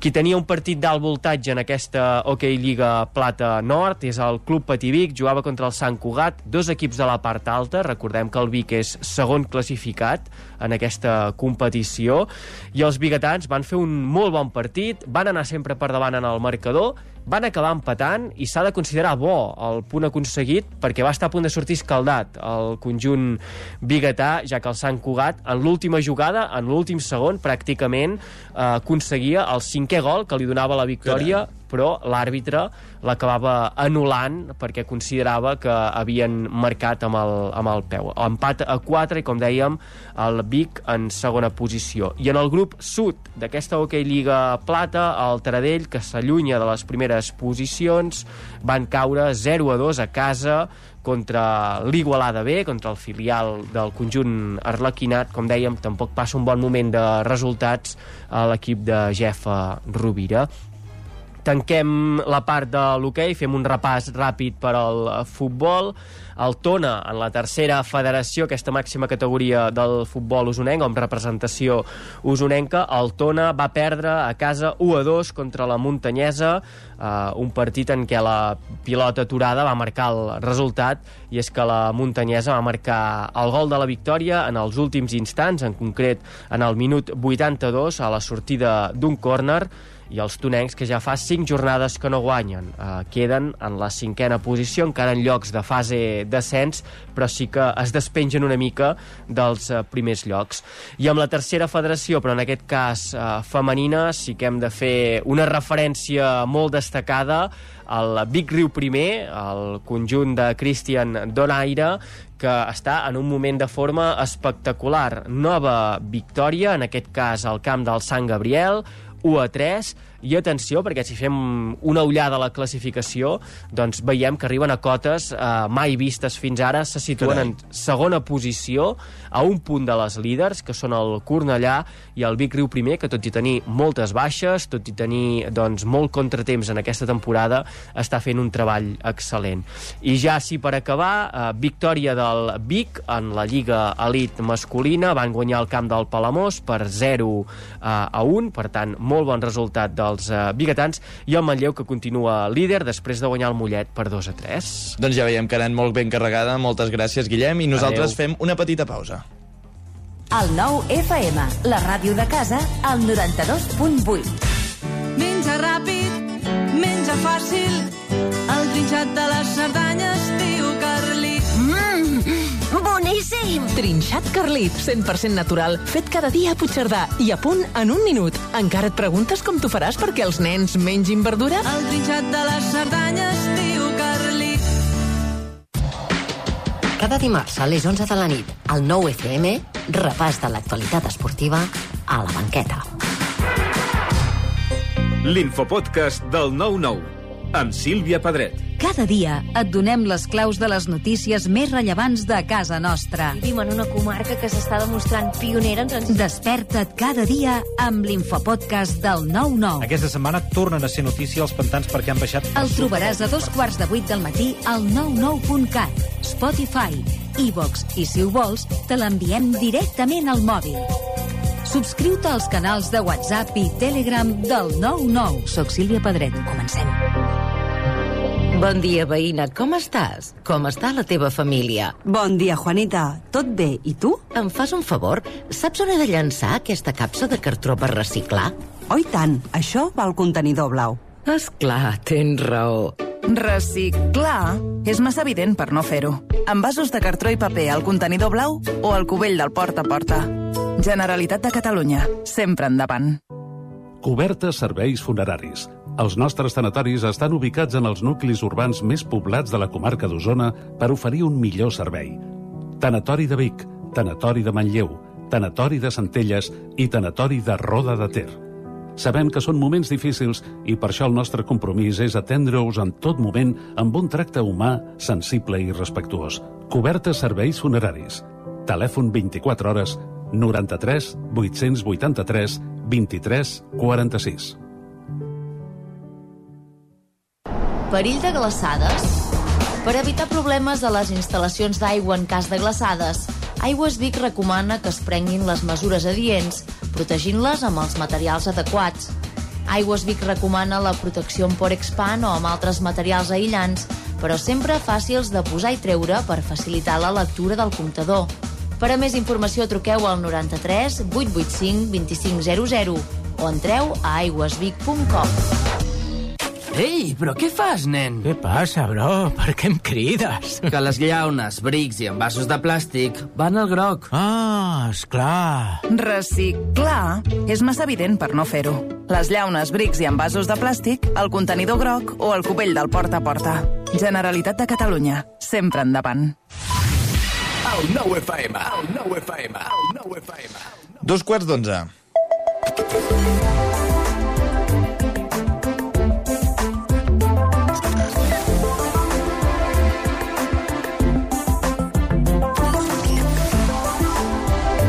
Per tant, moment de saludar en Guillem Sánchez. Bon dia, a veure, tu que t'agrada tant mirar el, el Twitter, o més conegut ara com a X, què hi has trobat avui aquí? Doncs mira, molt bones reflexions vinculades sobretot amb temes esportius i amb temes de què fer el cap de setmana i com aprofitar el temps. Per exemple, aquest usuari que ens comenta avui, o aprofites el cap de setmana sortint i fent coses o mantens la casa d'acord als requeriments mínims d'higiene i salubritat. Diu, les dues coses no són possibles. Què prefereixes, tu?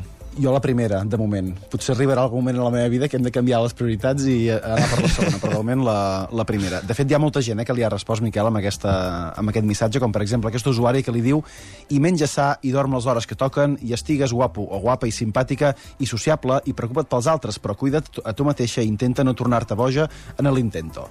Home, són moltes coses. Per, Sí. per 48 hores de, de, de cap de setmana són massa peticions. Qui sembla que l'ha aprofitat molt bé és en Bru, que ens escriu avui he dormit 14 hores seguides. Jo no sé d'on trobar les hores seguides un cap de setmana per dormir aquestes 14 hores, també t'ho he de dir. No sé si tu, Miquel... No, no, jo, jo estic igual. Estàs igual. Em, em falten hores. ens, fa, ens falten hores a tots. Hi ha altra gent per Twitter que ens comenta quin cap de setmana més tonto. És que el cap de setmana després del de Carnaval, o encara amb alguns carnavals, en aquest cas també a la, a la comarca, mm, no sé, és d'aquells cap de setmana que no saps què fer, mm, que s'acumulen coses i que has de tornar una mica a la rutina també i no sé, caps de setmana tontos. Va, m'agrada molt també els tuits d'en Jaume Miquel, aquest trobo que és molt encertat. Ens diu, profe, a mi m'agrada molt la cultura clàssica, però el llatí no. Diu, ja t'he clissat, cretí. Tu deus ser d'aquells que no mengen calçots, però volen fotre's la salsa igualment. Està ben trobat, està ben Ets trobat. més de, de calçot o de, o de salsa? Calçot, potser. Jo sóc més de carn a la brasa, eh? també t'ho he de dir. Sí, Una no, no menges calçot. Ahir, a la ahir vaig fer calçotada, imagina't. I no m'has portat res.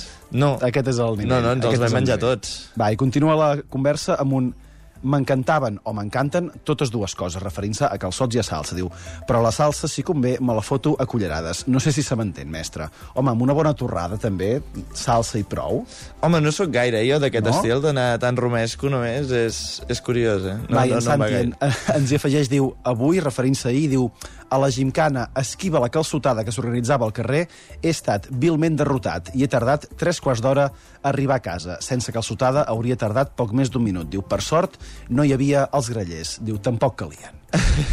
Gent que s'enfada perquè no va a calçotades o perquè no la conviden, eh? També és una altra... Sap greu. Sap greu. Va. Sí. I vinga, que avui dilluns, el dilluns ve carregat de bones notícies, segons l'Adrià. Ens diu, s'acaba Operació Triunfo i l'únic de bo que veig és que les reserves d'aigua de Barcelona es recuperaran. Tu ets, tu ets fan? No. No? No. De fet, uh, uh, uh, tinc ganes també de que s'acabi ja. Per tant, és un dilluns de bones notícies. És un dilluns així. de bones notícies. Va, i bona aportació del nostre company, en Jordi Vilarrodà, avui, que ens diu el Big Data em diu que si m'hagués fet broker de borsa en els moments que pujava, seria ric. Diu, el Barça li diu que si hagués fet gols, seria líder. Home, clar, i per, per dir coses òbvies ja ens hi podem, ja ens hi podem sumar tots. I després, no sé si l'has vist, Miquel, del golàs d'en Marc Guiu del cap de setmana. No, no, mira, encara no, no sóc gaire de futbol, jo, personalment. Doncs va fer un golàs d'Esperó rematant un corn amb el Barça B que, bueno, les xarxes en van, en van plenes. I ens escriuen avui Igual si enviéssim en Marc Guiu a jugar a la Lliga Brasilenya, marcaria tants gols que l'anirien a buscar. Diu, no sé si m'enteneu. Gent que ja el vol per al, per al primer equip i que, i que busca referents, no, Guillem? Sí, crec que estem cremant etapes a un ritme vertiginós amb això dels esports. Ja, ja ho parlarem a la tertúlia. Gent que té 17 o 18 anys i que ja ha d'estar solucionant sí, sí. el món, eh, gairebé. Va, i pobre Jordi, que avui ens ha hagut d'escriure això per, per queixar-se. Diu, hem anat a una fira de joguines de segona mà i hem deixat que la meva filla s'anés a comprar una cosa que li agradés. Diu, li han fotut dos euros per una bala de vidre. Diu, dos euros. Estafar a una nena petita no té nom. Ostres. Ostres, és que... Bueno, no És sé. dur, eh? Les, les bales aquestes és que no deuen valer ni quatre xavos. No, ni... dos euros et val un paquet sencer. I pots, amb això pots comprar-te un cafè amb llet i o anar a esmorzar algun, algun lloc. Tampoc a gaires llocs, però dos euros per una bala.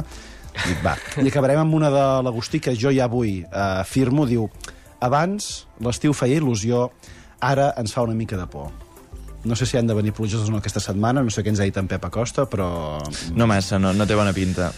Uh, posem un Siri, posem un Siri a algun lloc. Doncs moltes gràcies, Guillem Sánchez, i fins demà, com sempre. Va, que vagi bé, Miquel.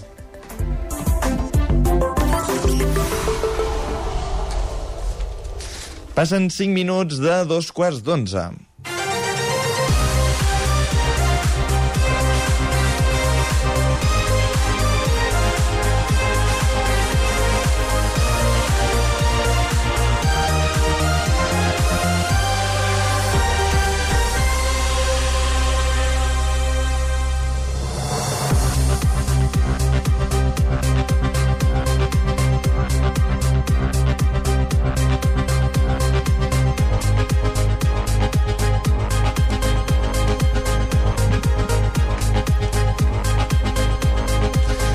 Ara sí, ja tenim l'estudi Play per les línies telefòniques amb l'Isaac Muntades també per uh, parlar del cap de setmana que ens ha deixat el món de l'esport professional, perquè tenim molts temes a tractar avui. déu nhi quin cap de setmana que hem tingut, a més de la victòria del, del temps afegit en el penal del rep, rep- repetit de Lewandowski, la victòria de l'Espanyol per 3 a 0 al Mirandès, el Girona, que juga aquesta nit contra l'Atlètic, o les polèmiques per l'arbitratge a la final de la Copa del Rei de bàsquet uh, que s'han portat al Madrid.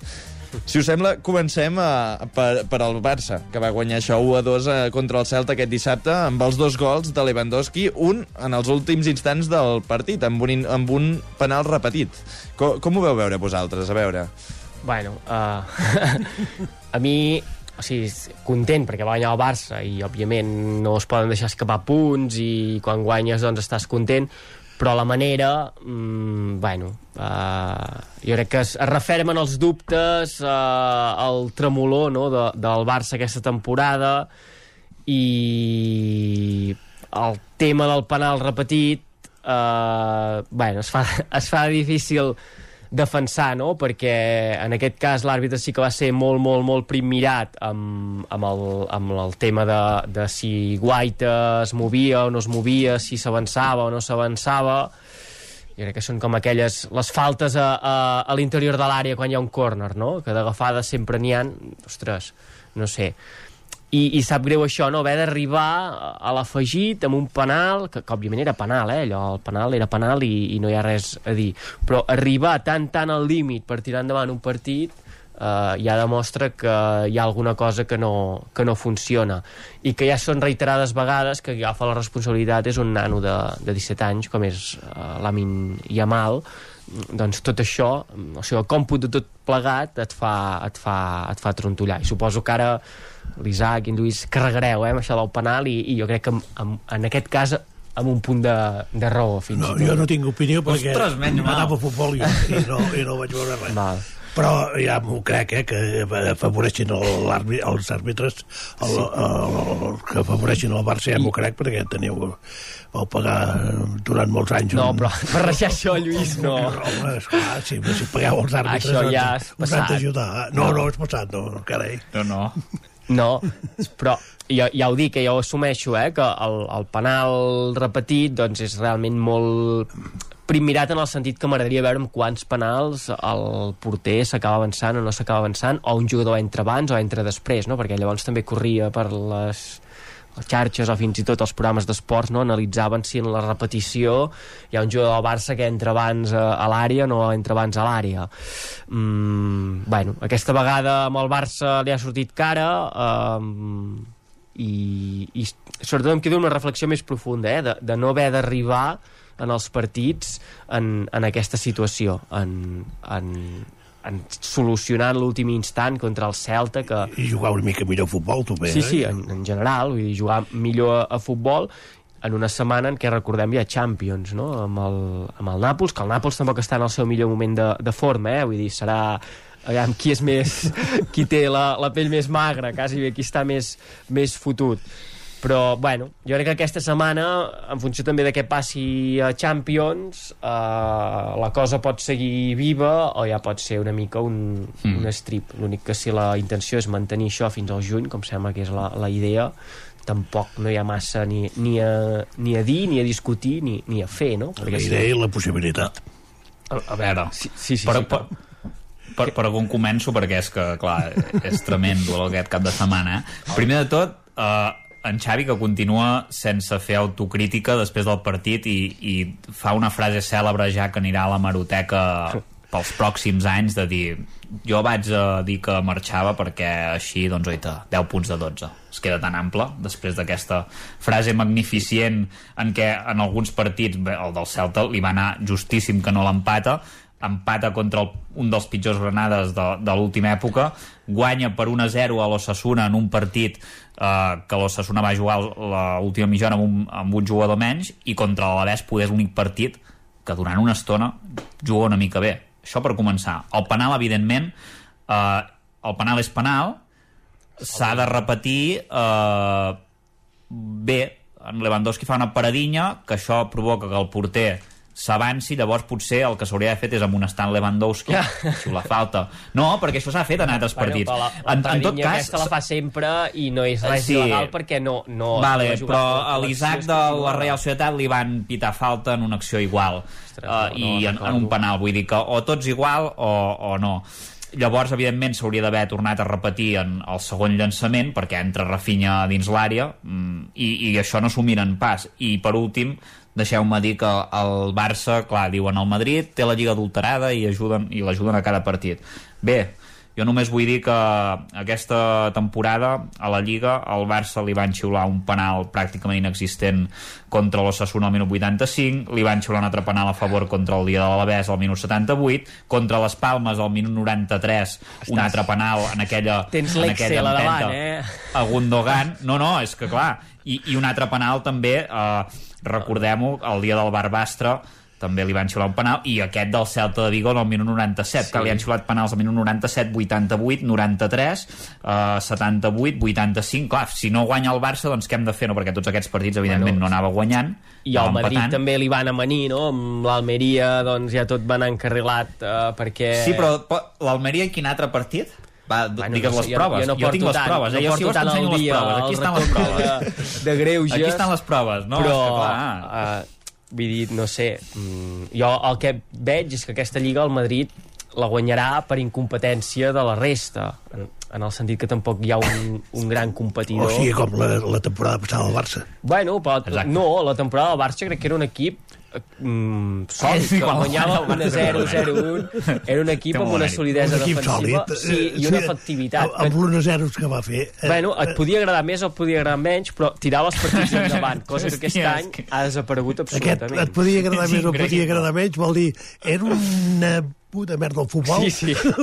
però guanyàvem. No, no era, no era el Barça de, del tiquitaca, de, del joc combinatiu que ens van acostumar durant èpoques eh, eh, anteriors, però era un equip, això, solvent, i, i jo crec que, o sigui, l'any passat el discurs de és un equip en construcció sí que el compràvem, perquè eh, era un equip que havia posat les bases eh, en la defensa, i en atac, doncs el virtuosisme era el que era, un Lewandowski que eh, marcava gols, un equip que més o menys eh, se n'en sortia, i la idea era fer un pas més aquesta temporada.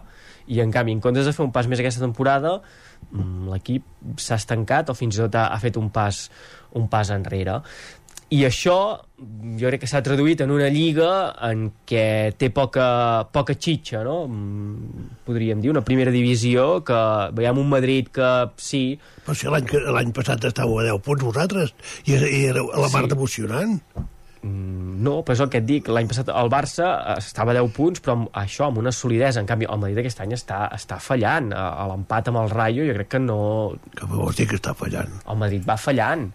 No, no, té, un Eh, joc, part- no té un joc que super Home, sòlid. i, I tampoc el vosaltres Mira. la temporada passada. Jo crec que l'any passat sí que hi El- havia el Madrid, una, una el Madrid va solidesa. fallant, el Madrid va fallant, però amb els rivals que s'han enfrontat en aquesta segona volta ha sumat un punt més que no a la primera perquè ha guanyat Sí. a tots els mateixos rivals que va guanyar la primera volta, ha empatat amb el Rayo, que ja hi va empatar la primera volta, i, ha, i va empatar amb l'Atlètic de Madrid, que hi va perdre. Per tant, ha sumat un punt més. Quan acabi la segona volta veurem si falla o no. Jo crec que el Madrid està No. fent una bona temporada. El Madrid guanyar la Lliga, vull dir, això no, és, és, és una evidència. bueno, no, no, si, no hi si ha- ens deixen, clar, i ens, Home, i ens si xiulen els penals que ens han de xiular en els partits, eh, que també n'hi va haver un parell de penals en el, en el partit contra el Rayo, que evidentment doncs, no, no, no xiulen, no? però bueno, veient una mica com està la Lliga, que, que en el partit del Sevilla i del València també va haver un penal claríssim que no es va xiular i et xiulen penals mm, bueno que poder no ho són tant, diguéssim, eh, doncs eh, així estem, no? Que, que cada partit eh, el Madrid és qui eh, adultera la Lliga, però realment és dels equips més perjudicats i de sobre dels equips que té un saldo més negatiu d'expulsions, que això també és, és una cosa sorprenent, perquè ahir de faltes, crec que el Rayo va fer 17 faltes. Van expulsar 17 Carvajal, faltes, no? eh?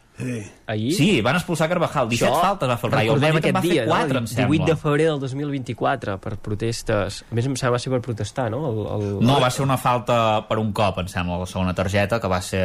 Per, Però vull dir, bueno, un- també està bé, no? la- Que Carvajal, que en molts partits sembla intocable, o sembla que no sol pugui amonestar, o que Bueno, jugui... d'aquí d'aquí funciona la vostra plorera als àrbitres i de tenir la, els Que- àrbitres comprats durant 20 anys. Jo, Al final, aquest- d'alguna cosa ha de sortir. aquest, aquest discurs de, de les expulsions sí que eh, li compro a en Lluís una cosa que, que hi, ha, hi ha nivells eh, de, de, de, de jugadors que van a protestar i se'ls tracta d'una manera o jugadors que van a protestar i se'ls tracta d'una altra eh? això amb Lluís, que a vegades ho has explicat no? que hi ha graus, això sí que t'ho compro absolutament, ara que més o menys doncs, amb el Girona eh, se segueix més de prop l'actualitat eh, és, és, és evident uh, no sé si ja ho he explicat eh, però el dia del Sevilla va ser escandalós lo de Sergio Ramos a Montilivi uh, protestant constantment al partit amb un partit en què el Sevilla tampoc tenia res a fer i vull dir carta blanca eh, i altres jugadors um, no, no la tenen Si us, sembla, si us sembla, avancem en, una, en un altre tema dins del Barça, en aquest sentit. Eh, veiem que Xavi també ha començat a experimentar més eh, donant protagonisme al planter. Per exemple, ahir Vitor Roque va sortir en el lloc de Gundogan i Gundogan no va ser fins al 56 que el, que el van canviar. Què diríeu que haver eh, interpretat amb això amb Xavi, amb l'estratègia que utilitza? No, jo crec que Vitor Roque se l'ha de començar a veure, que no se l'ha vist no? en, en el que es porta de, de temporada. I amb els joves, sí que és veritat que en Lamin Yamal ja, ja ha agafat una responsabilitat mm, absoluta i a més a més que uh, està responent amb, amb bons resultats l'únic que jo crec que s'ha d'anar a poc a poc eh? perquè ho explicava ara en, en Guillem Sánchez en, en les piolades eh, el gol de Marc Guiu eh, amb el B, que fa un gol així espectacular d'Esperó, rematant el primer pal i que ja sembla que sigui l'Eslatan, perquè a més a més li comparen el gol amb, amb un que va fer l'Eslatan Ibrahimovic fa anys. Ostres, calma, perquè mm, vull dir, aquests nanos si han d'arribar, ja arribaran. I si han d'entrar eh, a jugar per circumstàncies que siguin aquesta temporada, que hi entrin. Però tampoc els col·loquem ja com a salvadors de, de la temporada o com la o sigui, és trist dir-ho, eh, però són la il·lusió, jo crec, del barcelonisme en el sentit de no hi ha bon joc, els resultats, doncs, eh, són els que són, la Lliga està Has- has dit complicada. no hi ha bon joc, eh? Amb el Barça, sí. sí. És evident que no hi ha bon joc. No, no. vull dir, no, no em fa per res dir-ho. Però vull dir, són, és evident que són la il·lusió del barcelonisme, aquesta canalla, l'únic que tampoc ara ho traiem de context, perquè tal i com venen i tal i com els eh, encombrem, no sé si és correcte dir encombrar, però mm, els cremarem quan eh, arribin al primer equip i no siguin el que També esperàvem. estarem d'acord que si hi haguessin calés, aquests nanos no jugarien. Segur, però això passa a tot arreu. Vull dir, que bueno, passa a tot arreu. El Barça no passava fins ara perquè hi havia calés. Sí, sí, sí, és, és, és així. O passava d'una manera diferent, no? Uh, perquè tenies uns jugadors... Que passaven i desapareixien de, de la mateixa no, manera. o que tenies unes superestrelles mundials a l'equip, que eren la columna vertebral de l'equip, i que llavors ho podies farcir amb aquests molt bons jugadors de la base, no? Uh, vull dir, en el sentit que la Yamal, si hagués entrat en aquest equip amb una estructura on hi hagués, no sé, ara és una barreja així random, eh? El, uh, uh, hi hagués uh, Eto, uh, Deco i no sé qui més a la defensa, si hi haguessin jugadors mm, de primeríssim nivell, doncs la Yamal tindria un temps per foguejar-se molt més gran. En canvi, ara ell ja és l'estrella de, de, de l'equip, i això crec que no és, que no és normal per aquest fet, eh, segurament, perquè no hi ha diners per portar per portar jugadors. Bueno, s'ha de canviar el xip, l'afició ja que ha de canviar el xip. Dependre d'un nen de 17 anys és perillós, eh? Molt, molt, és, és evident, és molt perillós.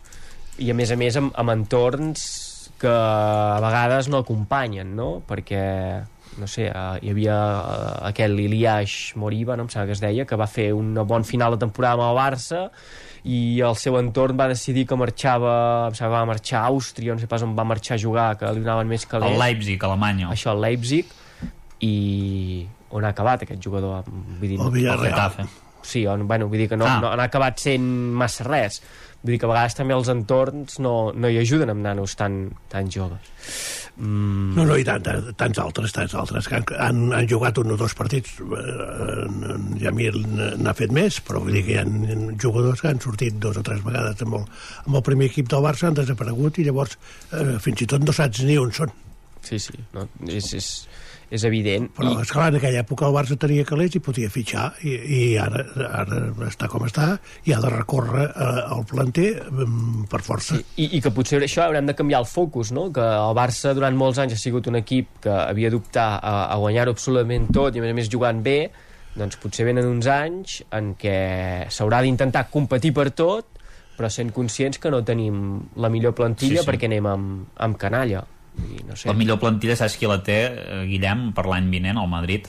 Perquè ja s'ha sabut avui que Mbappé ja ha firmat pel Madrid i que jugarà cinc Jo crec que- temporades. Uh, jo crec que aquí al Territori 17, si tiréssim enrere la maroteca, aquesta frase l'hem sentit ja moltes vegades, Isaac. No, jo no ho sé. jo No, no, no, no, no. A, a, mireu el diari Marca que Sí, sí, confirmen ja que fet. de fet, Ja va, fet. de fet va signar fa un parell de setmanes, eh, sembla ser. Vull dir que ja I, i, a partir de l'1 de juliol serà, serà jugador del Madrid. El Madrid no té mai crisi I... econòmica, ha fet l'estadi nou, tot funciona, no sé. Això, això sí, aquest és un altre tema que m'agradaria Sí, saber clar, com, com s'ho fan, això. Ara el circuit de la Fórmula 1 allà a Madrid també apareix per allà... Això, el Madrid ja no té res a veure. Bueno, no té res a veure, però ja Ah, no sé si en Florentino organitza la Home, Fórmula 1. és clar, Oh, la, és la, seva, tot, eh? la seva Tot, constructora... tot és culpa del Madrid, eh? és No, increïble. la eh? De la Fórmula 1 és culpa del Madrid. no? Allà, També és culpa del Madrid que guanyés la Copa del Rei de bàsquet ahir o no? O, Després, D'això en parlarem després. Abans Sí. de res, però um, comentàvem això, abans en parlàvem del partit d'ahir del Madrid amb el Vallecas, que van empatar 1 a 1. Um, creieu que a aquestes alçades, tot i que el Madrid ja està 6 punts per sobre del segon, que és el Girona, i creu que ja hi ha la Lliga consolidada, creu que hi poden sí. haver-hi sorpreses, alguna cosa així? Home, jo diria que el dubte està entre el, el, el, el segon i el cinquè. Sí, aquí és on hi haurà les, el primer, jo crec que ja és molt difícil. Molt difícil perquè això, eh, perquè els que venen per darrere doncs no, jo crec que no tenen prou solidesa com per competir amb el, amb el Madrid i, i això que diuen Lluís, entre el 2 i el 5è hi haurà les, les patacades, no? Clar, eh, el partit d'avui és important tant pel Girona com pel Bilbao. Sí, sí, sí. Eh, vull dir que de, de, des d'aquest punt de vista un dels dos pot tocar, tocar pot quedar tocat. Però llavors, diguem, al Girona li ve una, un, uns partits més plàcids, Mhm. fins que pràcticament rep. Penso que ha ha d'anar amb l'Atlètic de Madrid i el, i el Barça. Sí, el Barça em sembla que d'aquí poques setmanes hi ha, hi ha el Barça. Però també. abans té, té un, diguem, uns rivals més assequibles, en principi. Mm. Sí, el Girona ha fet una molt bona temporada, vull dir, això ja, ja la té, vull dir, ja ho ha fet, i ara és veiem com acaba. Si pot consolidar la Champions, jo crec que serà com guanyar la Lliga, no? És, és una evidència. Um, I després, encara que soni estrany, jo crec que ara mateix uh, fer Europa League mm, bueno, la gent o l'aficionat del Girona fins i tot arrufaria el nas i quedar fora d'Europa eh, es veuria com un desastre eh, estrepitós, que ja et dic, eh, sona raro eh, parlar d'això quan estem comentant el, el Girona. Jo, jo t'he dit, vaja, Sí. I hauria fora d'Europa és impossible, quasi bé. Matemàticament sí. és impossible. Hi hauria d'haver una descompressió molt, falten- molt grossa. Li falten 5 o 6 punts per estar a Europa, eh, el Girona. Però jo crec que l'aficionat gironí ara eh, ensuma la Champions. Vull dir, és, és el... Bueno, va dir-ho, no, en Mitchell, que si guanyaven aquest partit era l'objectiu, no? Sí, sí, clar. Si guanyaven a Bilbao, Clar, clar, clar. És, que, és que a més llavors deixarà el cinquè molt, molt, molt, molt endarrerit, vull dir que és, que, és que és així, és això. Vull dir que el que passa és que, clar, eh, o sigui, costa d'imaginar-se el Girona jugant la Champions. És que és, clar, és, que és molt gros. És molt gros. És, és que és així, és això, eh? Vull dir que... Eh, i, I, ostres, jo n'estic segur que es produirà i, i que ho, gaudirem, ho, ho gaudirem tots, però continua sent, hosti, molt, molt, molt, ser un somni impossible. Vull dir, ostres... A mi, per, per un tema pràctic, eh, vull dir, que juguin la Champions i no l'Europa League, perquè l'Europa League es juga els dijous i tenim tancament de diari. I, i ho fotrien tot en l'aire, saps? No, allò, quan sigui avi parlant amb el meu net, dient-li, sí, el Girona va jugar l'Europa League, però no hi vaig poder anar perquè estava fent tancament del diari.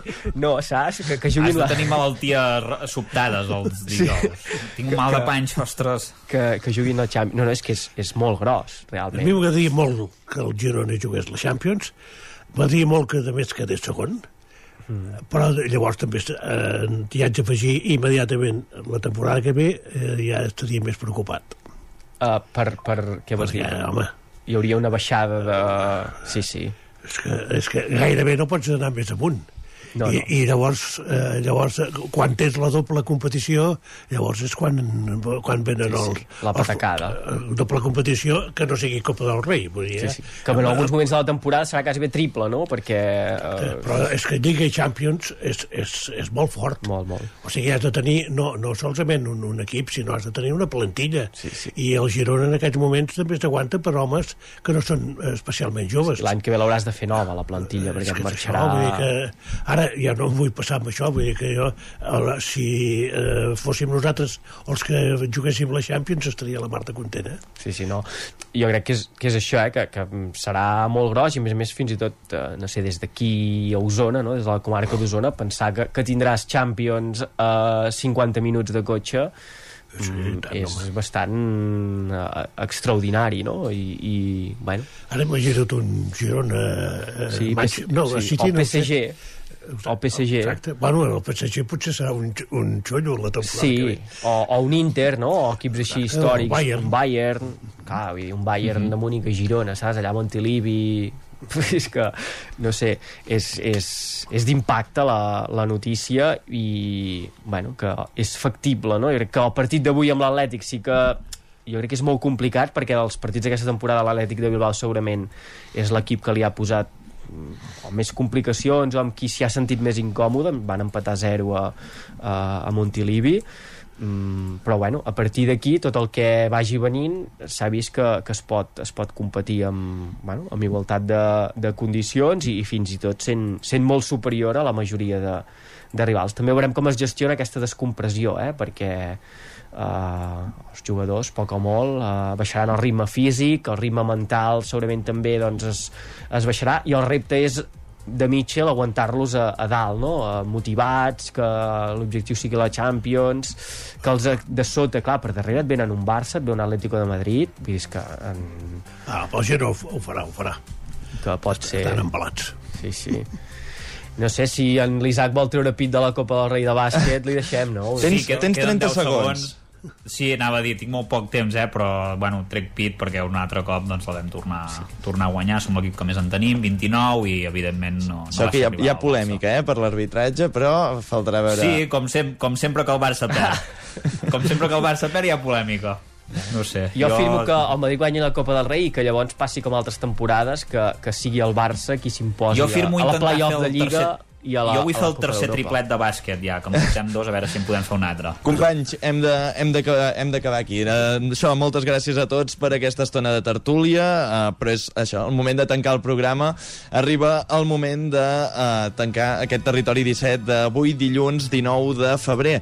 Us hem acompanyat des de dues hores, des de les 9 del matí fins ara, Enric, i i fins ara Enric Rubio, Roger Rams, Isaac Muntades, Pep Acosta, Guillem Freixa, Guillem Sánchez, Lluís de Planell, Clàudia Dinarès, Natàlia Peix i un servidor, Miquel Giol. Nosaltres hi tornem demà, puntuals a les 9. Que acabeu de passar un molt bon dia.